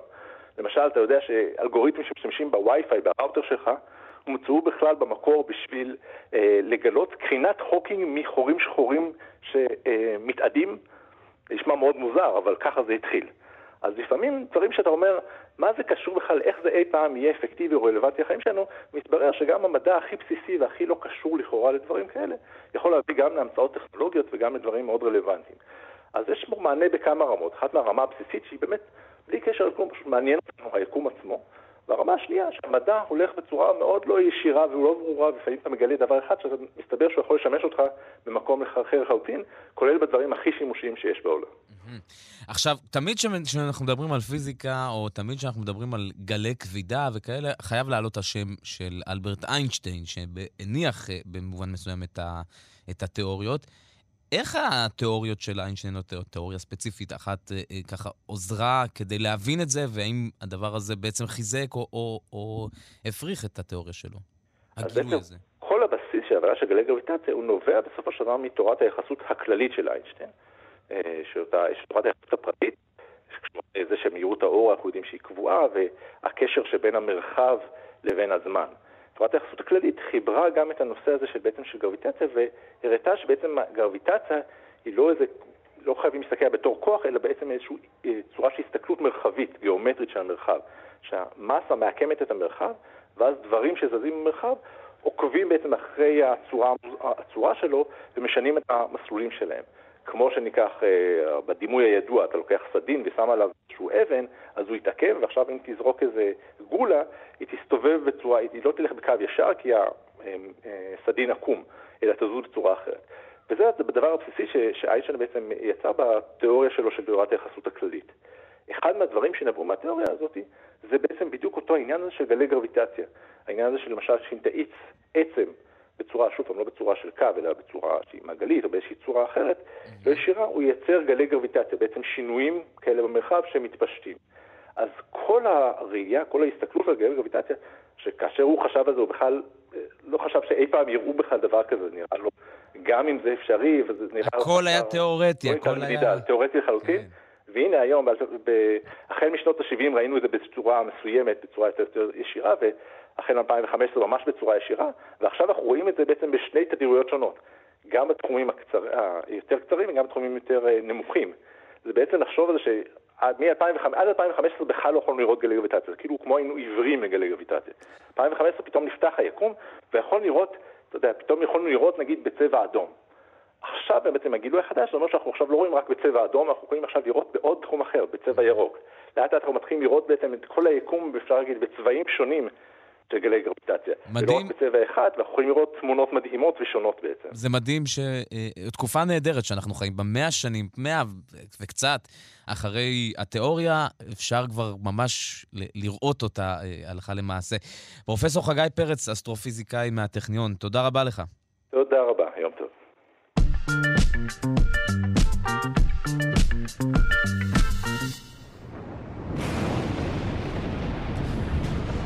פינת האטמוספירה והחלל עכשיו, אנחנו אה, חוזרים אה, אחורה בזמן, לא הרבה זמן, שנה וחצי, ינואר 22, יש הר געש תת-ימי שמתפרץ, ועכשיו אנחנו עם המחקרים הראשונים שעולים בעקבות ההתפרצות, ומחקר מראה שההתפרצות הגיעה לגובה של עד 58 קילומטרים. אתם שמעתם מה אמרתי? 58 קילומטרים, כן, למעלה, וזה יצר סופת ברקים, או סופת ברקים העוצמתית ביותר שתועדה אי פעם. על כך נשוחח עם פרופסור יואב יאיר, דיקן בית הספר לקיימות באוניברסיטת רייכמן וחוקר אטמוספירה וחלל. בוקר טוב לך. היי, בוקר טוב, עמיחי. אז אנחנו אה, אה, את ההר געש הזה מזהים כבר בינואר, אבל מתי רואים את ההתפרצות אה, של הסופת ברקים? אז כן, 15 לינואר 2022, התפרצות עצומה של הר הגעש הונגה טונגה באוקיינוס השקט, וכמו שאמרת, הפלומה הגעשית מתפרצת לגבהים עצומים, לתוך המזוספירה, אפילו 58 קילומטר מעל פני הים, ו... מערכות אה, רבות סימולטנית עוקבות אחרי ההתפרצות הזאת, גם מבחינה סייסמית, כן, כי זה כולל גם צונאמי, וראינו את זה, וגם אה, מבחינה אטמוספרית, לוויינים צילמו את זה בזמן אמת, ומערכות לגילוי ברקים שמו לב לקפיצה דרמטית בכמות הפעילות החשמל, החשמלית באותו אזור, והסיכום הכולל, אחרי שמסתכלים על משך ההתפרצות שנמשכה כמעט 11 שעות, מדדו יותר מ-200 אלף ברקים בסך הכל, כאשר בתוך הפלומה הגעשית, בשיא ההתפרצות, קצב הברקים היה הקצב הגבוה ביותר שנרשם אי פעם בכדור הארץ, 2,600 ברקים בדקה. שזה וואו. קצב מטורף, אין שום דבר שדומה לזה ברקורד שאני מכיר, ושהעמיתים שפרסמו את המאמר ב-Journal of uh, Geophysical Research Letters של ה-AGU, והמאמר מראה שזו הייתה באמת אחת ההתפוצצויות הגדולות ביותר בהיסטוריה. עד, עד כמה זה היה מפוזר? האם זה הברקים שבעצם התרכזו, כל האלפים האלה, התרכזו בנקודה אחת, או שזה פשוט התפזר בכל כדור הארץ, בכל השמיים שראינו? לא, לא, זה בתוך, נשאר בתוך הענן הגעשי, יש להסביר. תראה, ברקים געשיים אנחנו מכירים, ואפילו פליניוס האב ראה ברקים בתוך הפלומה של הר וזוב, עוד אה, במאה הראשונה לפני הספירה. זאת אומרת, אנחנו מכירים את זה, ובכל התפרצות געשית עזה, זהו, אולי יש... אתה יודע מה, אולי לפני השאלה ששאלתי, אולי באמת נתעכב על זה. מה זה אומר אה, אה, הפלומה הזאת? זאת אומרת, איך בכלל עובר התהליך שמהתפרצות של הר געש נוצר איזה ענן כזה עם ברקים? כן, אז יש את כל המרכיבים לסופת ברקים בתוך הפלומה הגעשית. זה ענן אדיר של קיטור לוהט, שמצטנן במהירות, מכיל בתוכו גם אפר וולקני, הרבה חלקיקים מוצקים, וכמובן כמויות עצומות של אדי מים, שמתעבות מאוד מאוד מהר ויוצרות אה, גושי קרח וטיפות מים בקירור יתר, ואלה כל המרכיבים שאתה צריך, יחד עם יונים שנמצאים באטמוספירה ובתוך אה, הר הגעש עם הפלומה הזאת, אתה מקבל מטענים חשמליים גדולים מאוד, שבסופו של דבר בתוך הענן נוצר שדה חזק מאוד, שמגיע למיליון וולט למטר, ובסוף אתה מקבל ברקים. קצב הטעינה, בגלל העוצמה של ההתפרצות, הוא מאוד מאוד מהיר, ולכן אתה מקבל הרבה מאוד ברקים תוך זמן מאוד מאוד קצר, כי כל פעם שפרקת את המטען החשמלי, הוא שוב נוצר מחדש. וברגע שללו, או בהתפרצות הזאת הספציפית, הייתה כזאת עוצמה של התפרצות, גם המהירות האנכית הייתה אדירה, וגם כמות האפר הגעשי, אדי המים, ובמשתמע, ברד, קרח, שלג, כל מה שאנחנו צריכים בתוך הענן האדיר הזה, יצרו שדות חשמליים פשוט פנטסטיים, בקצב טעינה מסחרר, שכאמור, אה, בשיא הסופה, כל כך הרבה ברקים, אה, אני לא זוכר שאפילו בכל כדור הארץ, אתה יודע, כשמסתכלים על כלל הסופות בכדור הארץ, אז הרצף הברקים מכל הסופות בו זמני בכדור הארץ מגיע ל-50 ברקים וואו. בשנייה, והענן הזה, הבודד, הסופה הזאת, גדולה ככל שהיא הייתה, יותר מכל כדור הארץ ביחד. ת, תתאר לי רגע את הגודל של הענן הזה, כדי שנבין. אם אני מסתכל על השמיים, מה, מה הגודל שלו? כן, תראה, זה קוטר שהתפשט uh, לטווח uh, של כמה מאות קילומטרים מבחינת המרחב. תחשוב על זה בתור צלחת מה, uh, שמסתכלים עליה מלמעלה, והיא מתפשטת בצורה טבעתית סביב מרכז ההתפרצות, וכאמור, בגלל שהיא חדרה לאטמוספירה הגבוהה, נוצרו שם תופעות של גלי כבידה, לא מהסוג שאתה הזכרת בשיחה הקודמת, אלא גלים של אה, כבידה באטמוספירה, ואנחנו רואים שהפרקים מרוכזים במין טבעות קונצנטריות סביב מרכז הפלומה. והחוקרים הצליחו לזהות ארבעה שלבים בהתפרצות, זאת אומרת, הייתה התפרצות ראשונית שהעיפה את הענן הזה כלפי מעלה, mm-hmm. ואז יש באמת פיק בפעילות החשמלית, אחרי זה הייתה רגיעה, אחרי כמה שעות זה שוב התפרץ, וכך הולך וחזור. אה, אנחנו רואים מין ארבעה מחזורים כאלה של פעילות חשמלית, שהחוקרים, אה, ון איטון ושותפיה מה-USGS, ה-United States Geological Survey, אלכסה ון איטון פרסמה שאלמלא הפעילות החשמלית היה קשה להם להבחין בארבע פאזות הללו הגעשיות, כי כשאתה רואה ענן געשי גדול ועצום, אתה לא מזהה באמת מה קורה בתוך הלוע, מה גם, שיש לזכור, שזו הייתה התפרצות געש תת-מימית, זאת אומרת, הר געש היה מתחת למים בעומק של שלושה קילומטר לפחות, מתחת לפני המים אה, שם, אז בטח אתה לא יכול לראות מה קורה בתוך הלוע, ורק הפעילות החשמלית הייתה מעין נייר לקמוס כזה שמספר לך, היי, שים לב, יש פה עוד פאזה חזקה של התפרצות, והיא באה לידי ביטוי בטעינה החשמלית המסיבית אה, שאותה תיארתי. עכשיו, אמרת שזה לא משהו שתועד עד כה, זה לא משהו שאנחנו זוכרים. זה יכול ללמד אותנו משהו על כדור הארץ ועל המצב שבו אנחנו נמצאים? ואני אומר את זה ברקע, כמובן, לכל, ה, כמובן, התקופה והשימוש שאנחנו עושים אה, אה, וההתחממות הגלובלית. והאם בעצם כדור הארץ פה מזהיר אותנו ב- כחלק מה, מהתגובות הקיצוניות שלו? אני לא חושב שזה קשור כלל וכלל לשינויי האקלים, שיש עליהם הרבה דברים, גם אגב בקשר להתפ... להתעצמות סופות הברקים וקצב הברקים, זה מקרה ייחודי ששייך דווקא לטקטוניקת הפלטות, אה, אזור סייסמי פעיל מאוד בדרום האוקיינוס השקט, שלא קשור בכלל לסיפור האקלימי, אבל מה זה כן יכול ללמד אותנו? קודם כל, פלומות געשיות מסוכנות מאוד לתעופה. אנחנו זוכרים את ההתפרצות שהייתה באיסלנד לפני מספר שנים, שקרקעה את כל התעופה האווירית באזור אירופה בגלל החשש שאפר געשי ייכנס למנועים של המטוסים, היו תקדימים כאלה, וזה יכול לגרום לתאונות חלילה. ולכן, יש לנו דרך לנטר איפה יש פעילות געשית, אפילו אם אנחנו לא נמצאים אה, באזור, אנחנו יכולים לתת התראה מוקדמת למטוסים, שימו לב, על סמך הפעילות החשמלית, יש פה ענן געשי פעיל, stay away, אל תגיעו לשם ותטוסו בנתיבים אה, עוקפים. אה, אז, אז זה דבר אחד שעוזר לנו מאוד להבין אה, תופעות mm-hmm. במקומות מרוחקים בכדור הארץ, שאנחנו לא בדיוק נמצאים בשטח כדי לצלם ולראות. אבל זה דברים שאנחנו... אנחנו עכשיו מדברים על בעצם מחקר שזיהה או אה, מסכם אירוע של התפרצות לפני שנה וחצי. אתה מדבר איתי על, עכשיו על דברים שהם נדרשים תגובה כמעט באופן מיידי. זה... אה, אה, לא, אז יש לנו את המערכות הללו. למשל, החוקרים פה, אחד השותפים למאמר, ג'ף לפייר, הוא אחראי על רשת שנקראת Earth Network Total Lightning Network, או ENTLN, שזה יותר מ-90 גלאים שמורחבים, מפוזרים בכל כדור הארץ, ואתה מקבל תמונת ברקים בזמן אמת. וגם לנו כאן בישראל יש כמה תחנות שמפעיל אותן עמיתי מהאוניברסיטה העברית, דוקטור ברי לין, ואנחנו יכולים בזמן אמת לקבל, אם אנחנו רוצים, אה, תמונת הברקים. ולכן כשאתה אה, חושב על זה, אה, שאתה פתאום רואה ברקים במקום שבדרך כלל אין ברקים, בדרום האוקיינוס השקט, מעל המים, לא צריכות להיות שם סופות, בטח לא בעוצמות המטורפות שנרשמו בהתפרצות הזאת, אז אתה יכול בזמן אמת לדעת שיש משהו חריג, ואז להסתכל מאוד חיישנים, למשל גלאים אה, סייסמיים שמנטרים את הפעילות הגעשית, אה, מצופים שנותנים התראות לפני צונאמי אה, וכדומה וכדומה. זאת אומרת, אנחנו פה מסתכלים על כדור הארץ משלל מערכות בו זמנית, והחוכמה היא לדעת לשלב את זה לכדי התראה. אם רוצים לתת התראת זמן אמת, אז מישהו צריך להסתכל על הדאטה ולזהות מתי יש איזושהי אנומליה חריגה בקצב של הברקים. פרופסור יואב יאיר, דיקן בית הספר לקיימות באוניברסיטת חייכמן וחוקר אטמוספירה וחלל, אה, מרתק וגם אה, מלמד, אבל גם מרשים. זאת אומרת, אני יכול, כל השיחה רק דמיינתי את הענן הענקי הזה, מייצר את הכמות ברקים העצומה הזאת. תודה רבה לך. כן, כן, להתראות.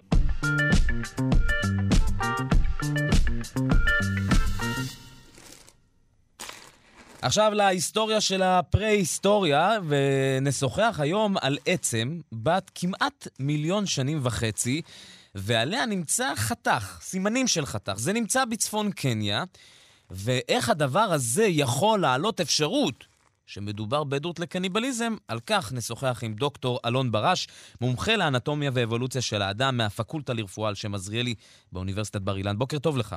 בוקר טוב, בוקר טוב. בוא נתחיל מהעצם עצמה, עד כמה הגילוי הזה אה, אה, מדהים, חדשני ומשהו שלא ידענו. אה, צריך להפריד פה, האמת היא שאת העצם עצמה גילו ב-1970. אה, ועד היום אף אחד לא שם לב לזה פשוט. ישבה העצם הזו ומעולם לא שמו לב לחתך הזה שאנחנו מדברים עליו? אכן כן, אכן כן, ממש ככה, כן. זה, זה יפה שאנחנו כל פעם חוזרים ומסתכלים על עצמות ישנות שמצאנו ומגלים בהן דברים חדשים. ובאמת אחת הכותבות הראשיות של המאמר הזה, אה, הסתכלה מקרוב על העצם הזאת, אה, ו, ובעצם מצאה סימני חיתוך אה, מאוד אופייניים על העצם. עכשיו, זאת עצם של אדם קדמון, זאת עצם של מה שאנחנו כנראה קוראים אוסטרלופיטקוס אה, בויזיאי, או אולי הומו הביליס, רק עצם אחת קשה לדעת, אבל בהחלט יש עליה סימני חיתוך. אה, וסימני חיתוך כאלה, זה אומרים, אומרים לנו רק דבר אחד, וזה שמישהו אכל את העצם הזאת. זאת אומרת, מישהו נגס בבשר והשאיר... לא, זה מה שיפה, לא נגס בבשר, מכיוון שבעלי חיים שנוגסים בבשר, נוגסים בעצם כמו תנינים, כמו צבועים, אנחנו מכירים את זה, יש להם סימני שיניים מאוד מאוד מסוימים.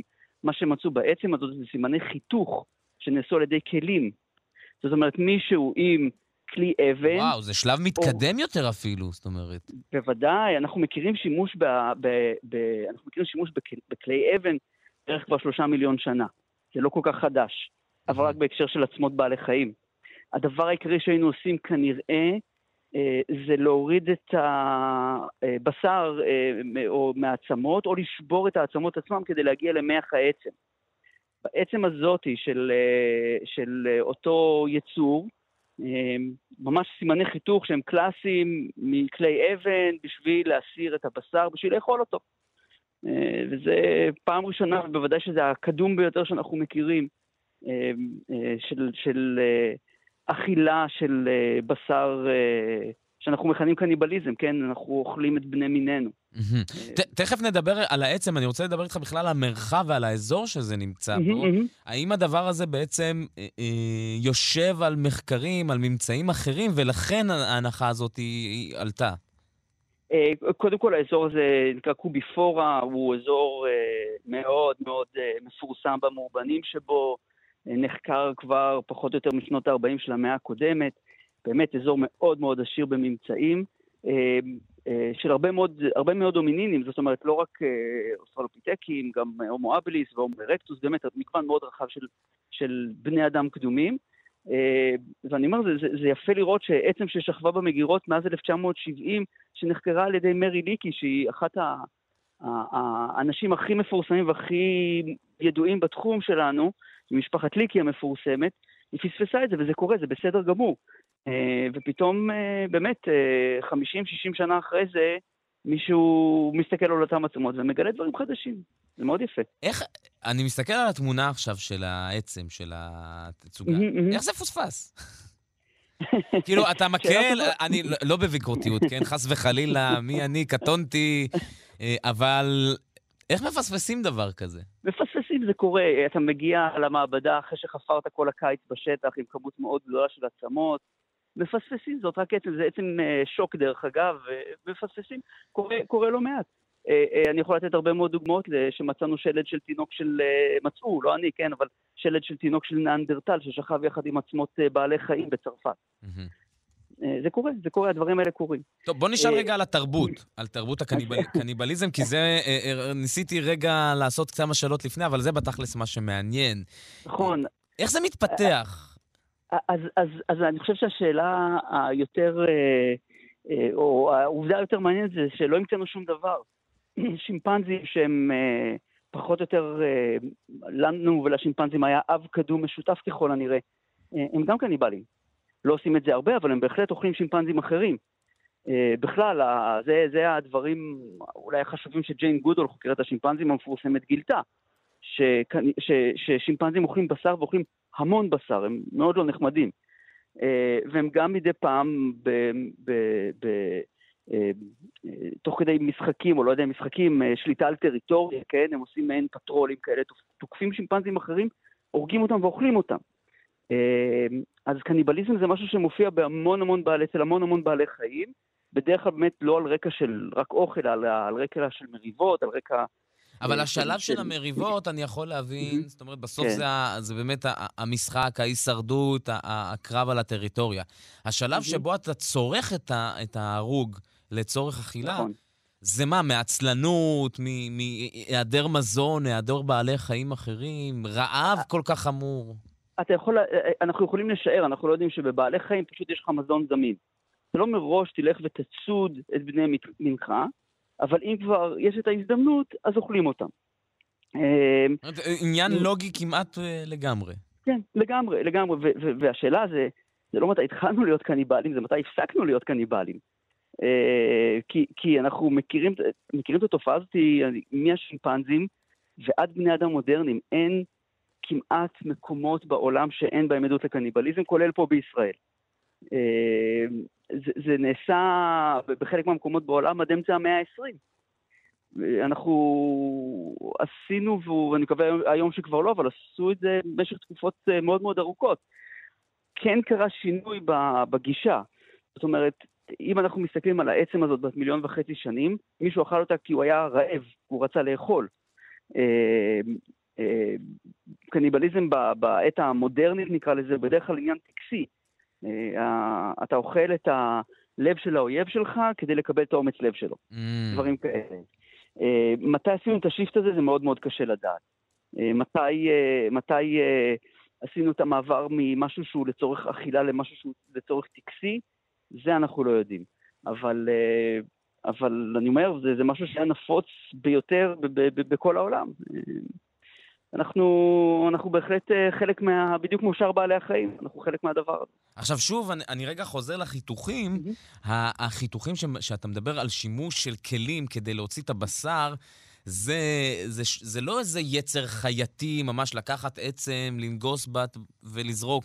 אלא, לא, לא, זה... אלא מודעת, אתה מוריד את הבשר, אתה בדיוק, משתמש, בדיוק. מנצל את כל הבשר, זה, זה... בדיוק, בדיוק. פשוט אה, כל אפשר להגיד, הטריק האבולוציוני של שימוש בכלים זה, אנחנו יכולים לאכול משהו שאחרים לא יכולים לאכול. למה אני מתכוון? אם אני יכול לשבור עצם ולהגיע למח העצם, שהוא מאוד עשיר בשומן, יש בו הרבה מאוד קלוריות, בעלי חיים אחרים בדרך כלל לא מסוגלים לפצח עצמות, אז אני מרוויח משהו, אני עושה משהו שאחרים לא יכולים לעשות, וזה יתרון אבולוציוני. אה, אז, אז זה ברור ש, ש, שמשם זה הגיע. אה, אה, מתי התחלנו ממש לחתוך ולהוריד את הבשר מה, מהעצמות? זה, זה אחת העדויות הכי קדומות, מיליון וחצי שנים זה אחד מסימני העדויות הקדומים ביותר.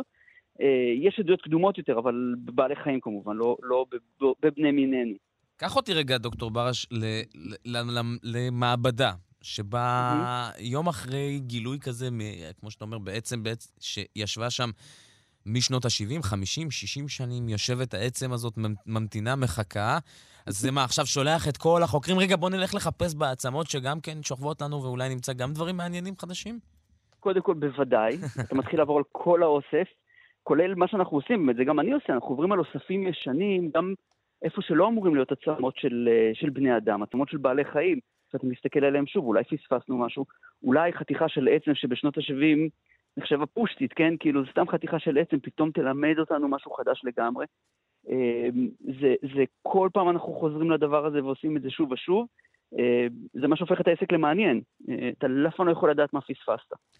נסתכל על זה עוד פעם ועוד פעם ועוד פעם. דוקטור אלון ברש, מומחה לאנטומיה ואבולוציה של האדם, מהפקולטה לרפואה על שם עזריאלי באוניברסיטת בר אילן. תודה רבה לך, בוקר טוב. תודה, תודה, בוקר טוב.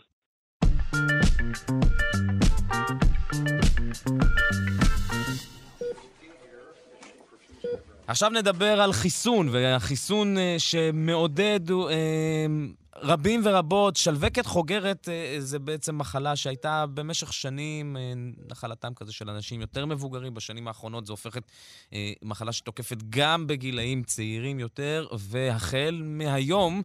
אפשר אה, לברך את, אה, אה, את כל מי שצריך את החיסון, כי זה נכנס לסל הבריאות, והוא זמין בקופות החולים. נשוחח על כך ונרחיב ונסביר עם דוקטור דרור ברניר, מיקרוביולוג באוניברסיטה הפתוחה, מחבר הבלוג חיידקים, נגיפים ושאר ירקות, וחבר בעמותה מדע גדול בקטנה להנגשת מדע ובעמותת מידעת. בוקר טוב. בוקר טוב, אמיתי. תעשה לנו רגע מורה נבוכים יותר ברור, יותר מוסדר, בכלל לשלווקת חוגרת. איך זה נראה, איך זה מתבטא בגוף, וגם איך זה מתבטא בחיים שלנו ביומיום, לא רק איך זה נראה בגוף. אוקיי, okay, נתחיל מזה ששלווקת חוגרת זה שלב שתיים של מחלה אחרת מאוד מאוד מפורסמת. אנחנו מדברים על אבעבועות רוח. Mm. זאת אומרת, כל מי שחלה בשלווקת חוגרת, חלה בילדותו, זאת אומרת, זה יכול להיות אי אלו שנים קודם, חלה באבעבועות רוח. זה אותו נגיף, הוא יושב ומחכה בסבלנות במערכת העצבים כמה עשורים, ואחר כך הוא מתפרץ בתור מה שנקרא שלווקת חוגרת. אז מי שמכיר את הבעבועות רוח, שזה שלפוחיות על האור, שזו בעצם פריחה על פני כל האור, שלווקת חוגרת זה בעצם אותם שלפוחיות על עצב אחד, לאורך עצב אחד בגוף, בדרך כלל על הגב, אבל לפעמים במקומות אחרים, על הזרוע ובכל מיני מקומות אחרים.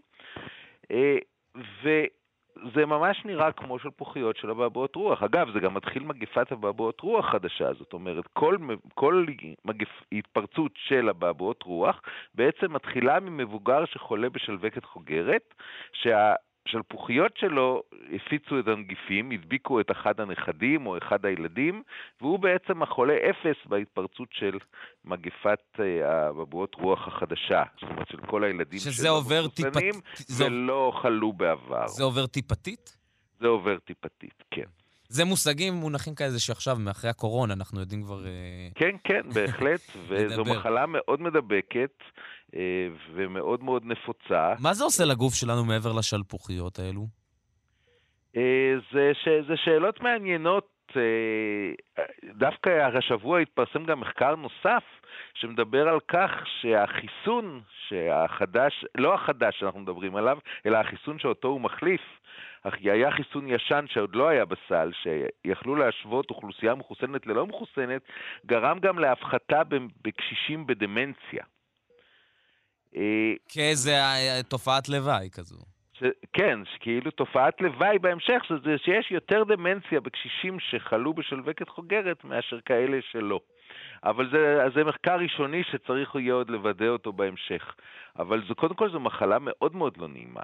כל מי שחלה בשלווקת חוגרת יכול לדבר על כאבים שזה חודש וחודשיים, וזה יכול להתפתח לדלקת בעצב שיכולה להימשך חודשים. אוי, זו, מח... זו לא מחלה קטלנית, אבל זו מחלה מאוד מאוד כואבת ומאוד מאוד לא נעימה. אפשר לפעמים להתגבר עליה אם מספיקים מספיק מוקדם, להשתמש בתרופות נוגדות נגיפים, אבל אה, לא, אבל לא תמיד מאתרים את זה מספיק מוקדם, ואז אה, לא מצליחים. ואז איך, אם, אם בלי, רגע, שנוציא רגע את החיסון מה, מהשיחה ותכף נחזור, איך זה עובר בלי החיסון? מה, מה זאת אומרת? המחלה כן. עוברת, אבל היא יכולה גם לחזור שוב. אה, והחיסון בעצם אמור לבטל את זה? הוא אמור להפחית את הסיכוי שזה יחזור שוב.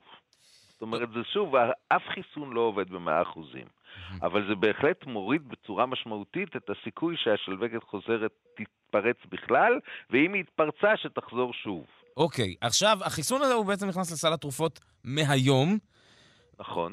מה הבשורה? למי צריך, מי צריך להיות מעודכן? מי צריך ללכת לקחת את זה? אה... בעיק- בעיקרון החיסון אה, מיועד לבני 65 ומעלה, אה, ללא קשר למצבם הבריאותי, ולבני 18 עד גיל 65 שיש להם בעיות במערכת החיסון והמלצות והתוויות נוספות שכדאי להם לקחת, שהם אה, גורמים להם להיות בסיכון גבוה יותר לשלווקת חוגרת. זאת אומרת שקופות החולים אמורות לדעת מהאנשים האלה ויוזמות את הפנייה בעצמם.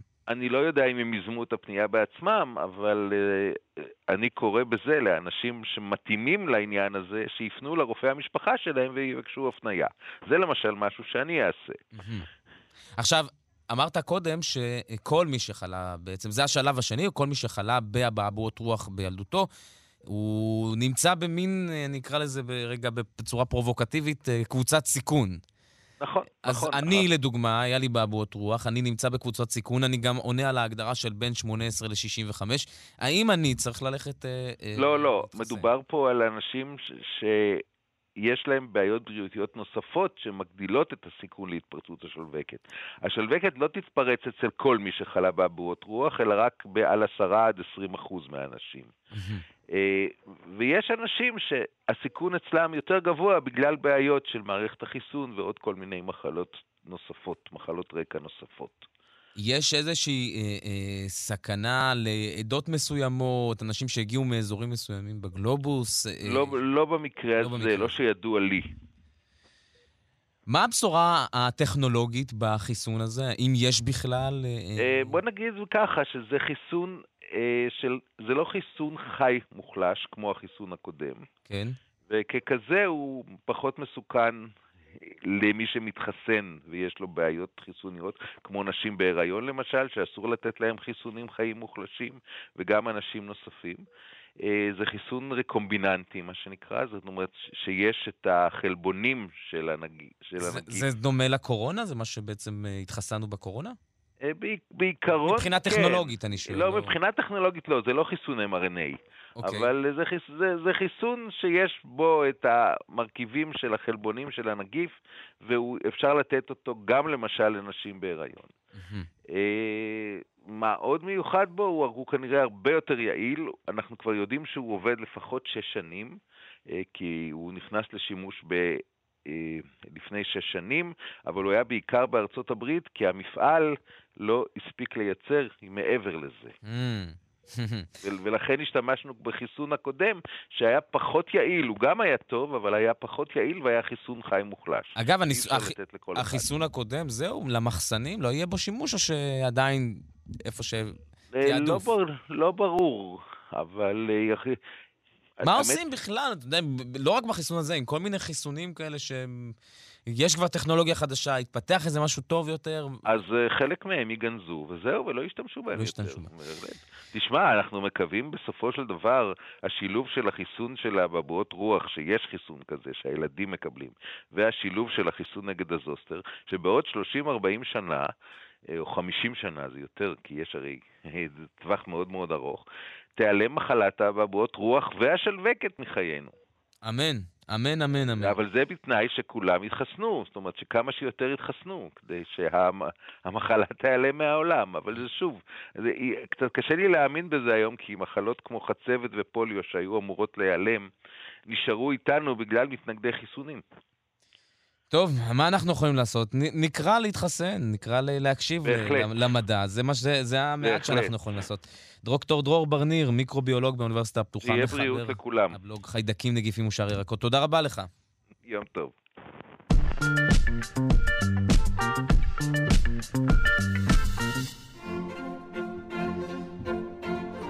פינת האומנות כעת, בוקר טוב ליונתן הירשפלד.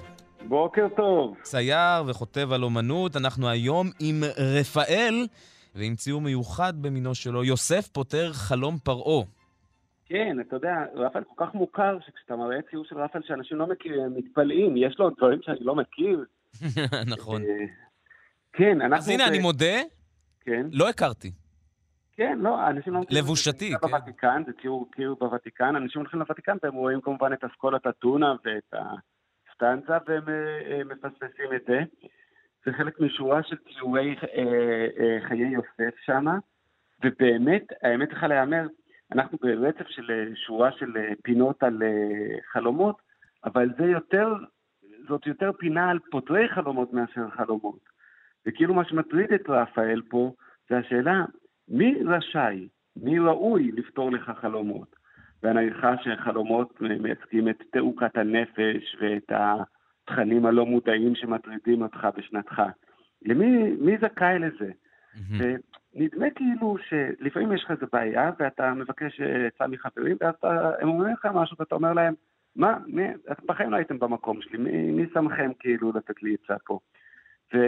ורפאל, אני חושב כמו אה, יונג, חושב שעדיף שיהיה מטפל פצוע, שפותר החלומות יהיה מי שבעצמו הוא ילד של חלומות, ילד שגדל וסיפר חלומות לאחיו, ילד שחלומות לא זרים לו, הוא זכאי לפתור חלומות. זה, זה קצת כמו השאלה מי זכאי להיות מבקר אומנות. אולי מישהו שפעם צייר משהו יכול להיות, כאילו איזה מוזר זה שיש מבקר אומנות שמעולם לא החזיק במכחול. מעניין. אה, זה, זה בעצם השאלות שתמיד שואלים, מי, מי שמך לתת את הביקורת? אה, מי, כן, לגמרי. בכל מיני תחומים, במזון, ב, ב, בספורט. ב... לגמרי, ואני רוצה ככה להפנות את תשומת ליבם של המאזינים לכמה דברים שרפאל עושה בציור הזה. ששמים את אה, יוסף הבלונדיני באופן מפתיע, אה, בדיוק באמצע בין ילד החלומות לפותר החלומות. למשל, הציור מחולק לשניים, מאחורי יוסף אלו שהרקע שלהם זה בד אטום, אלה שלא מסוגלים לראות את העולם בחוץ, אלה שכלואים בפנים, ופרעה שנמצא ומאחוריו הארכיטקטורה פתוחה לנוף. ויוסף נמצא בדיוק בתפר, בין הלא רואים לרואים. Mm-hmm. יש יש אה, ליוסף יד אחת שכפופת כפפה, איך, מה, מה זה כפפות? איך, מה המילה לכפפה? גאובת גרב. אה, יש עליה כפפה והיד השנייה בלי כפפה. חשופה. זאת אומרת, אחת, כן, אחת אה, עם כפפה ואחת בלי, זאת אומרת חשוף. יש כל הדמויות שם עם גרביים כאלה ויוסף יחף. הוא גם נמצא קצת באמצע בין בן לבת, כאילו, שזה כמובן אה, עונה למדרשים המפורסמים של אה, יוסף כדמות מאוד אה, נשיא. אני רוצה לשאול אותך על העיגולים.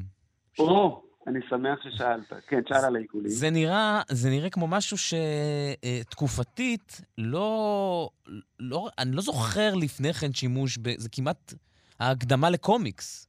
ממש, אני כל כך שמח שאמרת את זה. אתה יודע מה זה בדיוק מזכיר לך? זה מזכיר לך בדוקטור סטרנג' שהוא עושה עיגולים כאלה ונהיים כזה נצנצים ורואים עולם אחר, זה בדיוק זה. כן, כן, כן.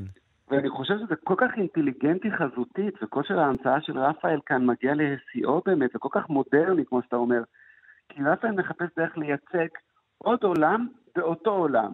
זאת אומרת, לא רק את העולם החזותי החיצוני, אלא את העולם הפנימי, והוא שם את החלומות באיזה מין עיגולים שהם כמו חלון אל טקסט. אלא... אני, אני מתאר לעצמי מבקרי אומנות רואים את זה ומזדעזעים איך הוא העז, איך הציור הזה, הוא מטמיע ציור בצורה כזאת גסה בתוך הציור. זה, זה כל כך מבריק, ובאמת אנחנו בפינה הזאת של החלומות, ואנחנו שואלים את עצמנו איך אפשר לייצג חלומות. ורפאל אומר, מה הבעיה? בתוך הציור נעשה סוגריים, נעשה אקסגרציה ונגיד, אז אני אומר, שני הדברים האלה, כן? גם ההברקה החזותית הזאת, אגב, אתה יודע, היא מאוד מזכירה, כשאתה מסתכל על ציורי ילדים שמציירים את הבית מבחוץ, אבל גם את המנורה ואת הכיסא בפנים. נכון, נכון. זאת אומרת שיש... אה, זה גם מזכיר את הדף הלאונרדו, מי שמכיר את לאונרדו שמצייר גופים, וגם רואים את העצמות שלהם בפנים. זאת אומרת, זו שפה חזותית שלא הייתה זרה לחלוטין לרנסאנס, אבל בוודאי בפורמט כזה של אה, אה, אה, ציור קיר ענק, של פרסקו ענק בוותיקן, זה חריג, זה שנון מאוד, ובעיקר אני חושב שאם נחזור לדבר שאיתו התחלנו, רפאל רוצה לייצג את יוסף כדמות גבולית בין הווילון לבין הנוף הפתוח, בין גבר לאישה, בין היד עם הכפפה ליד הלא, בין האנשים עם הגרביים, יש לו, היד, יש לו היד שלו מצביעה למעלה. אתה רואה את היד המצביעה למעלה? Mm-hmm. היא, היא אותה יד מצביעה למעלה שאפלטון באסכולת אתונה מצביע למעלה ואומר הכל אידאות, שום דבר בעולם הזה, אבל הרגליים על הקרקע, הוא יחף, הוא נוגע באדמה. זאת אומרת, אה, יוסף הוא דמות של שני עולמות. הוא של עולם החלומות והאידאות ושל כאן, ולכן הוא מוסמך לפתור חלומות. הוא שגריר, יש לו שגרירות בשני העולמות. הוא בעצם הסנדמן הראשון, כן. הבסיס לסנדמן. כן, ממש ככה. ציור מרתק ויפה, וגם הדו-מימדיות של העיגולים האלה, על התלת-מימדיות של הציור, מבליט, זה ציור מדהים. אני, אני מסכים, אני מסכים. יונתן הירשפלד, צייר וכותב על אמנות פינת האומנות. אנחנו ניפגש גם בשבוע הבא. בכיף. תודה רבה.